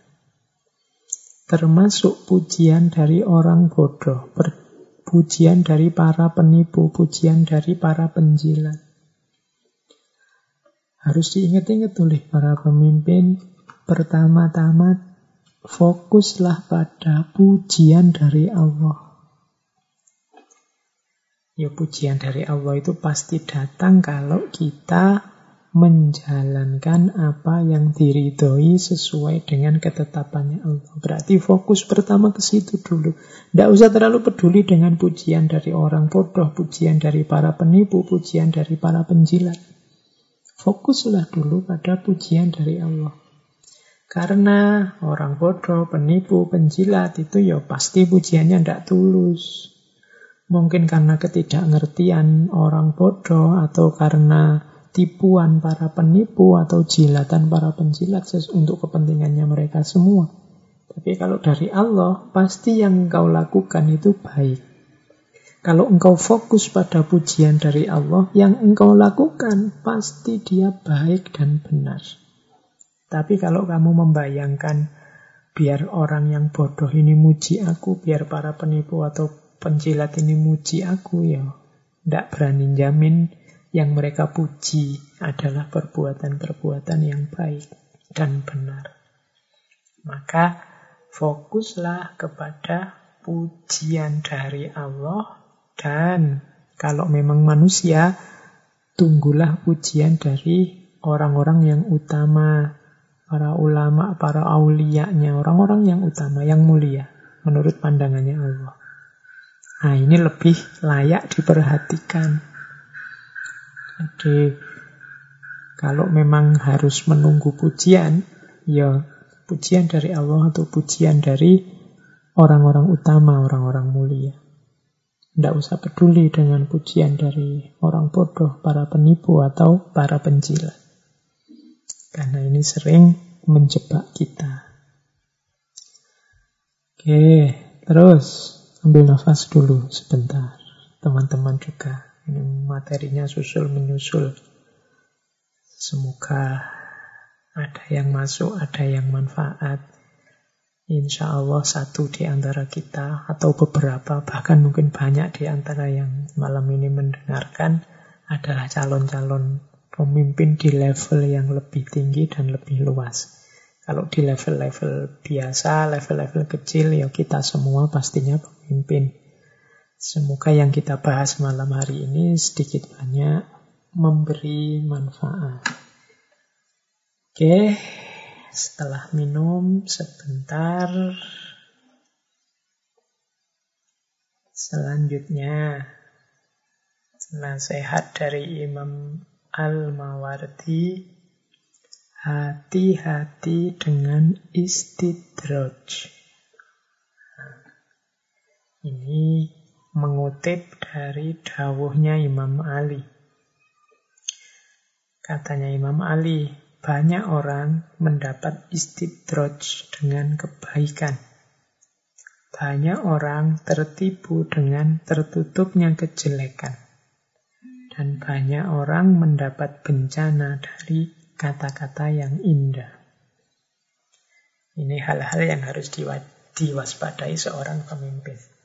Kalau istidraj dari Allah, ada satu situasi ketika kita melakukan sebenarnya banyak kesalahan, banyak kejelekan. Tapi oleh Allah kok diberi enak terus, diberi nyaman terus, diberi sukses terus. Padahal ini harusnya orang ini dosanya banyak, kesalahannya banyak. Itu namanya istidraj. Istidraj itu tujuannya antara lain adalah biar orang ini tidak sadar bahwa dia itu berdosa bahwa dia itu salah, bahwa dia itu sesat. Jadi biar dia sempurna dalam dosanya, dalam kejelekannya, dalam keburukannya. Kalau bahasa Jawa ini dilulu. Itu kayak ibu kita dulu loh, kalau waktu kecil mungkin kita gegeran sama saudara kita terus ibu kita bilang yo terus no yo itu kan bukan berarti ibu kita nyuruh kita terus berkelahi kan kalau kita ikuti terus berkelahi, wah hukumannya tambah berat dari ibu kita. Tapi kalau kita ngerti, wah ini namanya dilulu, ini istidroj dari ibu ini. Ya wis, tukaran terus, gegeran terus. Nah, biasanya terus digitukan terus berhenti. Nah, Allah juga kadang-kadang semacam itu. Ya, terus no, ya wis. Nah. Ini orang yang tidak sadar, tidak bisa introspeksi, dianggap ini anugerah dari Allah, padahal istidroj yang kalau kita lanjut-lanjutkan, wah, semakin mantap hukuman dari Allah untuk kita, semakin tegas murka dari Allah untuk kita, maka hati-hati.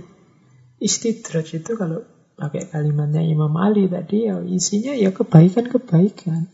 Mungkin kita sukses, mungkin kita untung besar, mungkin kita dipuji orang, mungkin kita jadi orang terkenal.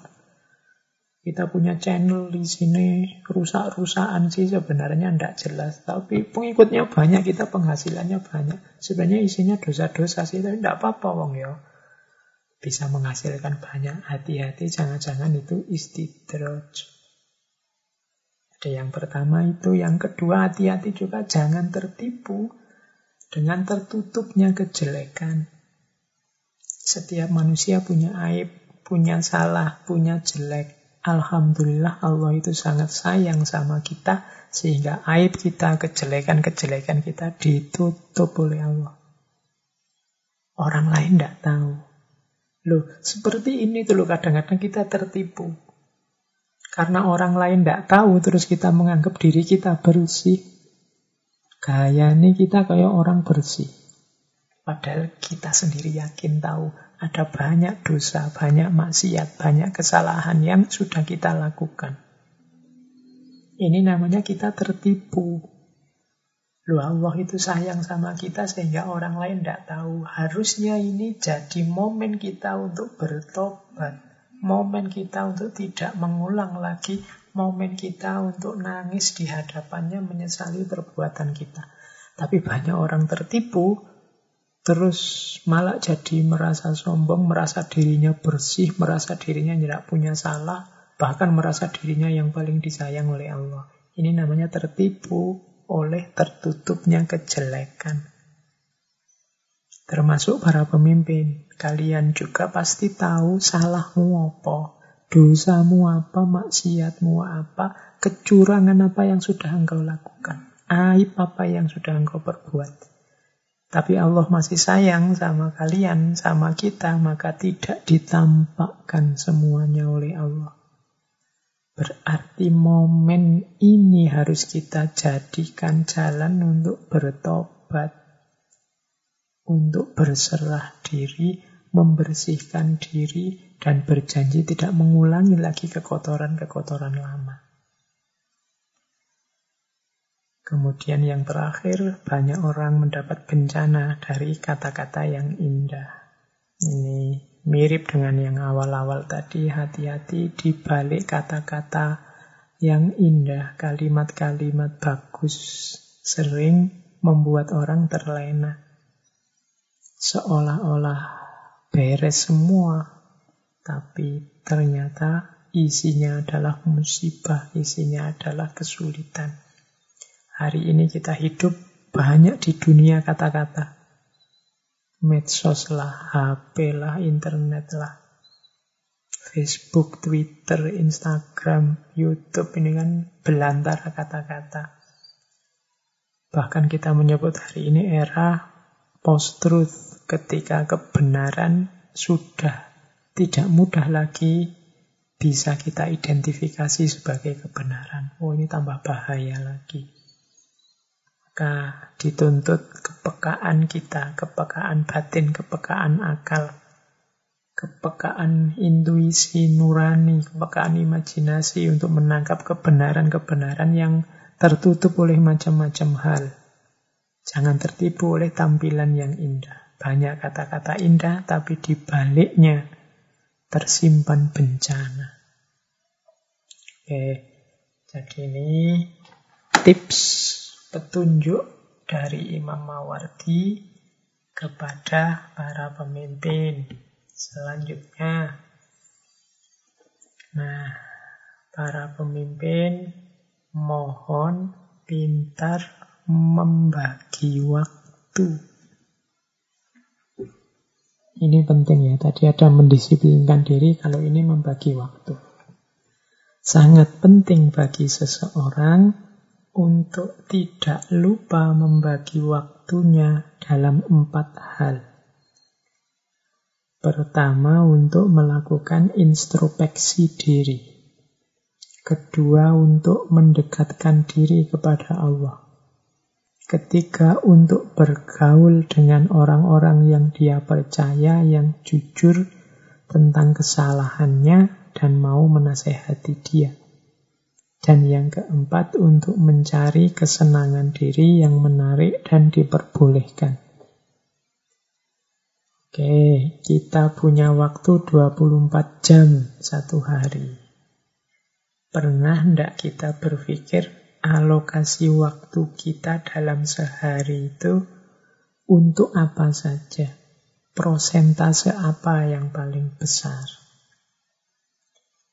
Jadi kalau menurut Imam Al-Mawardi, coba dilihat empat kategori alokasi waktu yang kita lakukan. Jadi kita ini oleh Imam Al-Mawardi disarankan membagi waktu jadi empat. Yang pertama untuk introspeksi diri. Jadi ini muhasabah karena hanya orang-orang yang mau introspeksi akan menjadi orang yang semakin baik dan semakin baik. Yang kedua, untuk Allah. Berapa persen dalam sehari waktu kita alokasikan untuk Allah. Yang ketiga untuk masyarakat, untuk bergaul.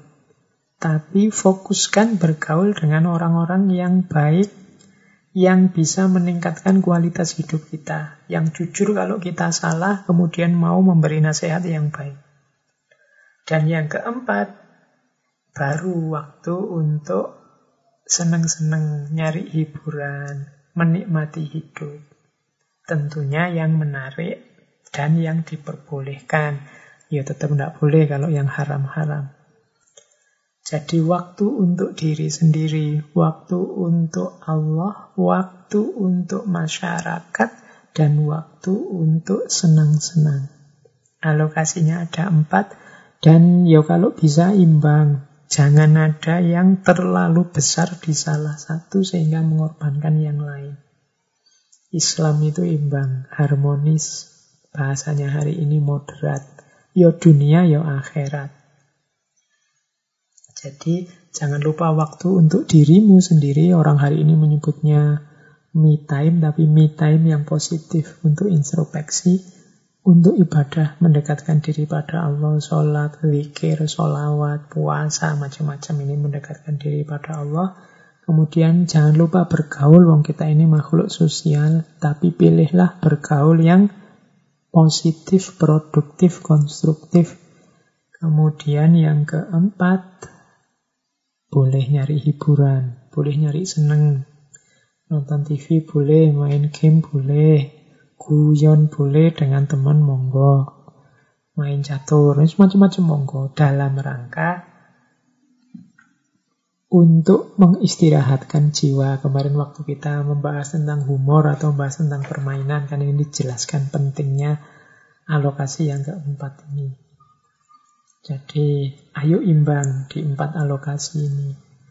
Jangan hanya mikir diri sendiri nanti egois Jangan hanya saya pak 100% untuk Allah saja. Lo ini juga dikritik. Kanjeng Nabi itu satu ketika mengkritik ada sahabat. Jadi satu ketika para sahabat ini ngobrol. Ada yang bilang saya akan bangun sholat malam dan tidak akan tidur lagi. Yang satu bilang saya akan puasa terus, tidak akan buka puasa. Yang satu bilang saya hidupku kupersembahkan untuk Allah, aku tidak akan kawin lagi. Pokoknya tidak mau menikah. Ketika obrolan ini sampai pada kanjeng Nabi, malah dikritik, dimarahi oleh kanjeng Nabi. Katanya Nabi Muhammad Sallallahu Alaihi Wasallam, beliau bersabda, Aku bangun dan aku tidur. Jadi maksudnya apa? Ya aku sholat malam, bangun malam, tapi aku juga tidur. Aku puasa dan aku juga berbuka. Ya puasa untuk Allah, tapi juga buka puasa. Ya makan, tidak puasa tiap hari. Ya kadang puasa, kadang tidak. Dan aku juga menikah. Tidak kok demi Allah terus hidup aku korbankan menikah juga tidak. Tidak. Dan itu nanti kalimat terakhirnya kan populer. Faman rohiba an sunnati falaisa minni.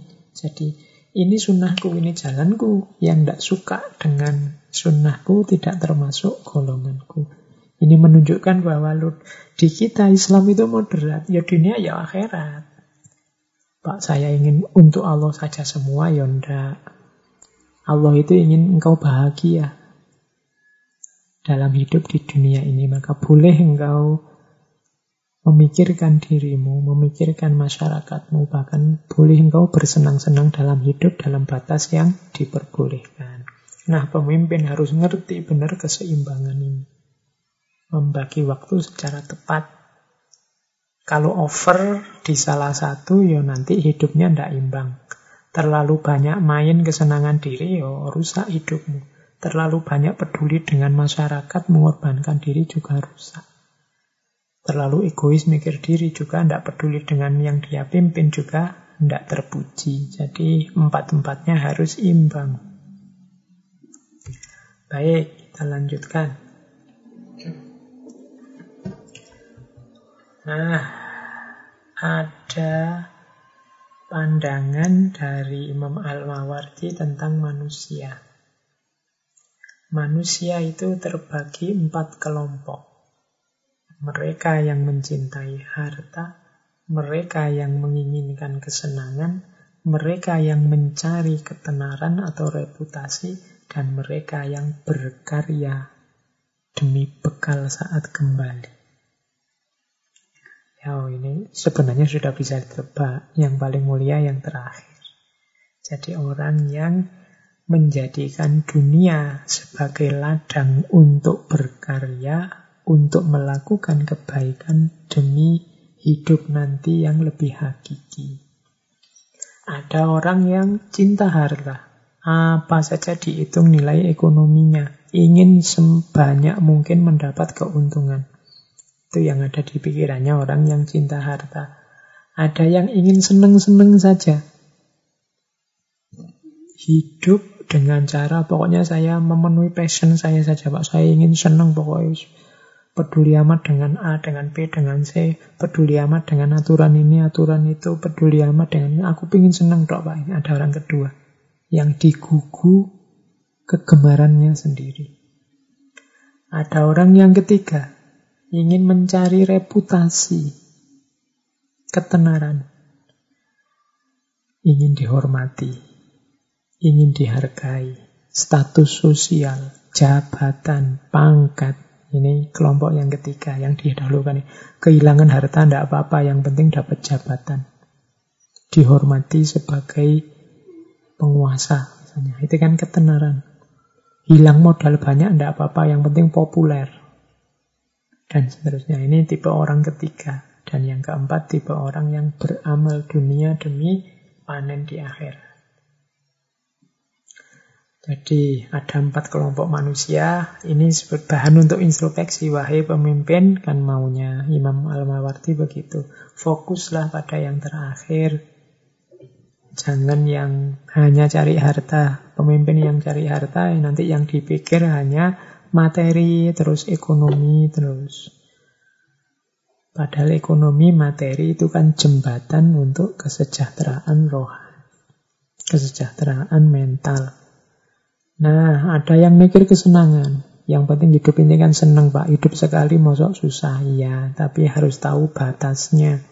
Ada yang mikir reputasi, jabatan, pangkat, status, dan macam-macam. Nah, pemimpin coba perhatikan yang keempat. Beramal baiklah. Kemudian berkaryalah yang sebagus mungkin demi nanti engkau memanen hasilnya saat kembali ke hadiratnya biar kita bisa tegak nanti waktu menghadap Allah saat kita cerita bahwa tugas kekhalifahan yang dibebankan ke punggung kita sudah kita jalankan sebaik-baiknya. Kemudian ada juga tidak ada kekayaan tanpa kona'ah, tidak ada kesenangan tanpa takwa, tidak ada ketenaran atau reputasi selain ibadah kepada Allah ini bisa dijelaskan di banyak sesi tentang mungkin dulu waktu kita bahas Raden Mas Sosro Kartono, Sugih Tampu Bondo dan lain. Jadi kekayaan itu sebenarnya satu-satunya kuncinya adalah kona'ah, jiwa yang menerima. Bukan pada bondo, bukan pada harta. Kesenangan juga sebenarnya akan indah kalau itu dilandasi oleh ketakwaan kemudian jabatan, pangkat, reputasi juga akan manfaat dan penting kalau dia dijadikan bagian dari ibadah kita, pengabdian kita kepada Allah. Jadi, oke okay, tenar, oke okay, punya jabatan, oke okay, punya pangkat, tapi semua jalan ketenaran, jalan kepangkatan, jalan jabatan kita adalah jalan kita untuk mengabdi kepada Allah. Loh, kalau ini positif. Kekayaan tadi juga begitu. Kalau itu dasarnya kona'ah, ya dia positif. Apa yang dapat dari Allah banyak atau sedikit kita ridhoi. Kemudian kesenangan juga begitu. Kalau kesenangan itu dasarnya takwa, kemungkinan besar semua kesenangan yang kita lakukan tidak akan balik negatif ke diri kita. Jadi kesenangan yang tahu batas, tahu mana yang boleh, mana yang tidak boleh. Itu kan berarti kesenangan yang dasarnya takwa. Oke, jadi ini empat kelompok manusia yang harus diingat-ingat oleh para pemimpin. Dirinya harus ada di posisi yang positif dan produktif. Senang harta boleh, tapi diiringi kona'ah. Ingin mencari kesenangan hidup oke, okay, tapi diiringi takwa. Mencari reputasi, mencari pangkat jabatan boleh, tapi jadikan bagian dari ibadah. Dan yang terpenting jangan lupa tetap berkarya demi nanti bekal saat kembali. Baik, teman-teman yang terakhir ini sebenarnya masih ada beberapa saya bacakan saja ringkas karena ini sebenarnya satu tema yaitu dari Aristoteles. Jadi di banyak bagian tersebar di kitab Nasihatul Muluk itu ada nasihatnya Aristoteles kepada muridnya Alexander the Great. Alexander the Great kalau di Nasihatul Muluk itu dipakai istilah Iskandar karena bagi banyak orang Alexander the Great itu kalau dalam bahasa Arab disebutnya Iskandar Zulkarnain tapi yo ini khilafiyah. Ada beda pendapat. Tapi mari kita lihat apa nasihatnya Aristoteles. Ini saya membaca cepat-cepat saja karena waktunya sudah malam. Jadi yang pertama ini antara lain ya karena ini nasihat ini tersebar di banyak bagian di kitab itu. Belajar dari masa lalu. Katanya Aristoteles, ambillah pelajaran dari orang-orang sebelummu dan janganlah jadi peringatan bagi orang-orang sesudahmu. Maksudnya apa? Kita harus bisa belajar dari sejarah dan kalau bisa jangan melakukan hal-hal yang jelek, hal-hal yang salah sehingga engkau jadi pelajaran bagi orang-orang sesudahmu. Jangan sampai orang bilang jangan niru Alexander itu loh, jangan niru Iskandar Zulkarnain itu loh. Itu berarti engkau jadi pelajaran bagi orang-orang sesudahmu. Jangan seperti itu. Kemudian selalulah waspada. Apabila engkau sampai pada keselamatan, ingatlah kembali kegagalan. Apabila engkau nyaman karena kesehatan, maka ingatkan dirimu tentang bencana, tentang sakit. Apabila engkau telah merasa aman, ingatlah kembali rasa takut. Apabila telah terpenuhi semua keinginan, ingatlah kematian. Kalau engkau mencintai dirimu, jangan beri kesempatan ia berbuat buruk. Hei, jadi ini nasihat yang kedua. Insya Allah teman-teman bisalah mencernanya ya. Intinya kesuksesan apa pun, keberhasilan apa pun yang kita raih, jangan membuat terlena. Tetap waspada. Karena hidup ini tidak selalu naik, tapi juga ada turunnya. Tidak selalu positif, tapi sering juga kita ada di titik negatif. Kemudian cari penasehat yang tepat.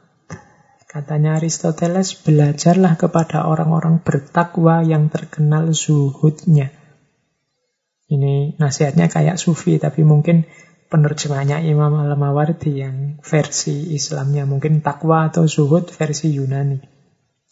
Ada pepatah, seorang anak tergantung orang tuanya, seorang pelajar tergantung gurunya, seorang tentara tergantung panglimanya, seorang ahli ibadah tergantung agamanya, rakyat tergantung pemimpinnya, dan pemimpin tergantung ketakwaan, kecerdasan, dan keyakinannya. Kaitkan diri kita sebagai pemimpin dengan yang positif-positif. Cari guru yang baik, kalau kita tentara, pilih panglima yang baik.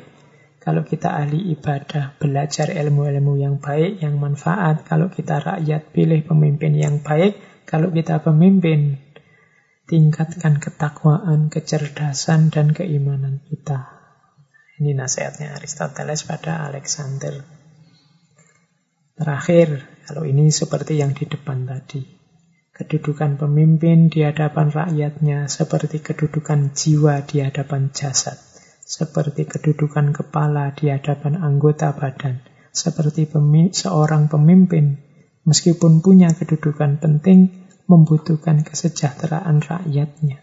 Sebagaimana rakyat juga membutuhkan kebaikan pemimpinnya. Sebagaimana tidak mungkin ada kesehatan badan tanpa adanya jiwa dan tidak ada gunanya kepala tanpa adanya anggota tubuh. Kita yang memimpin dengan yang kita pimpin itu seperti tubuh dengan kepala.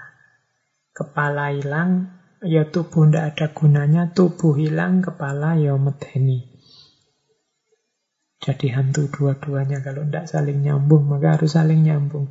Jasad dan ruh juga seperti pemimpin dan yang dipimpin. Jasad saja ya jenazah, ruh saja ya kayak hantu tadi. Jadi itu ilustrasi-ilustrasi dari Aristoteles menasehati Alexander atau Iskandar. Baik teman-teman, sudah agak panjang saya ngomong ke sana kemari tentang nasihat dari Al-Mawardi kepada para pemimpin. Yo kalau teman-teman buka kitabnya langsung yo masih banyak sebenarnya yang bisa kita kaji, bisa kita ambil ibroh. Tapi karena keterbatasan waktu, saya kira harus segera saya akhiri pertemuan kita malam hari ini. Kurang lebihnya mohon maaf. Insya Allah kita ketemu lagi minggu depan. Semoga situasi sudah lebih membaik. Kurang lebihnya mohon maaf. Wallahul muwafiq. Wallahu a'lam bisawab. Wassalamualaikum warahmatullahi wabarakatuh.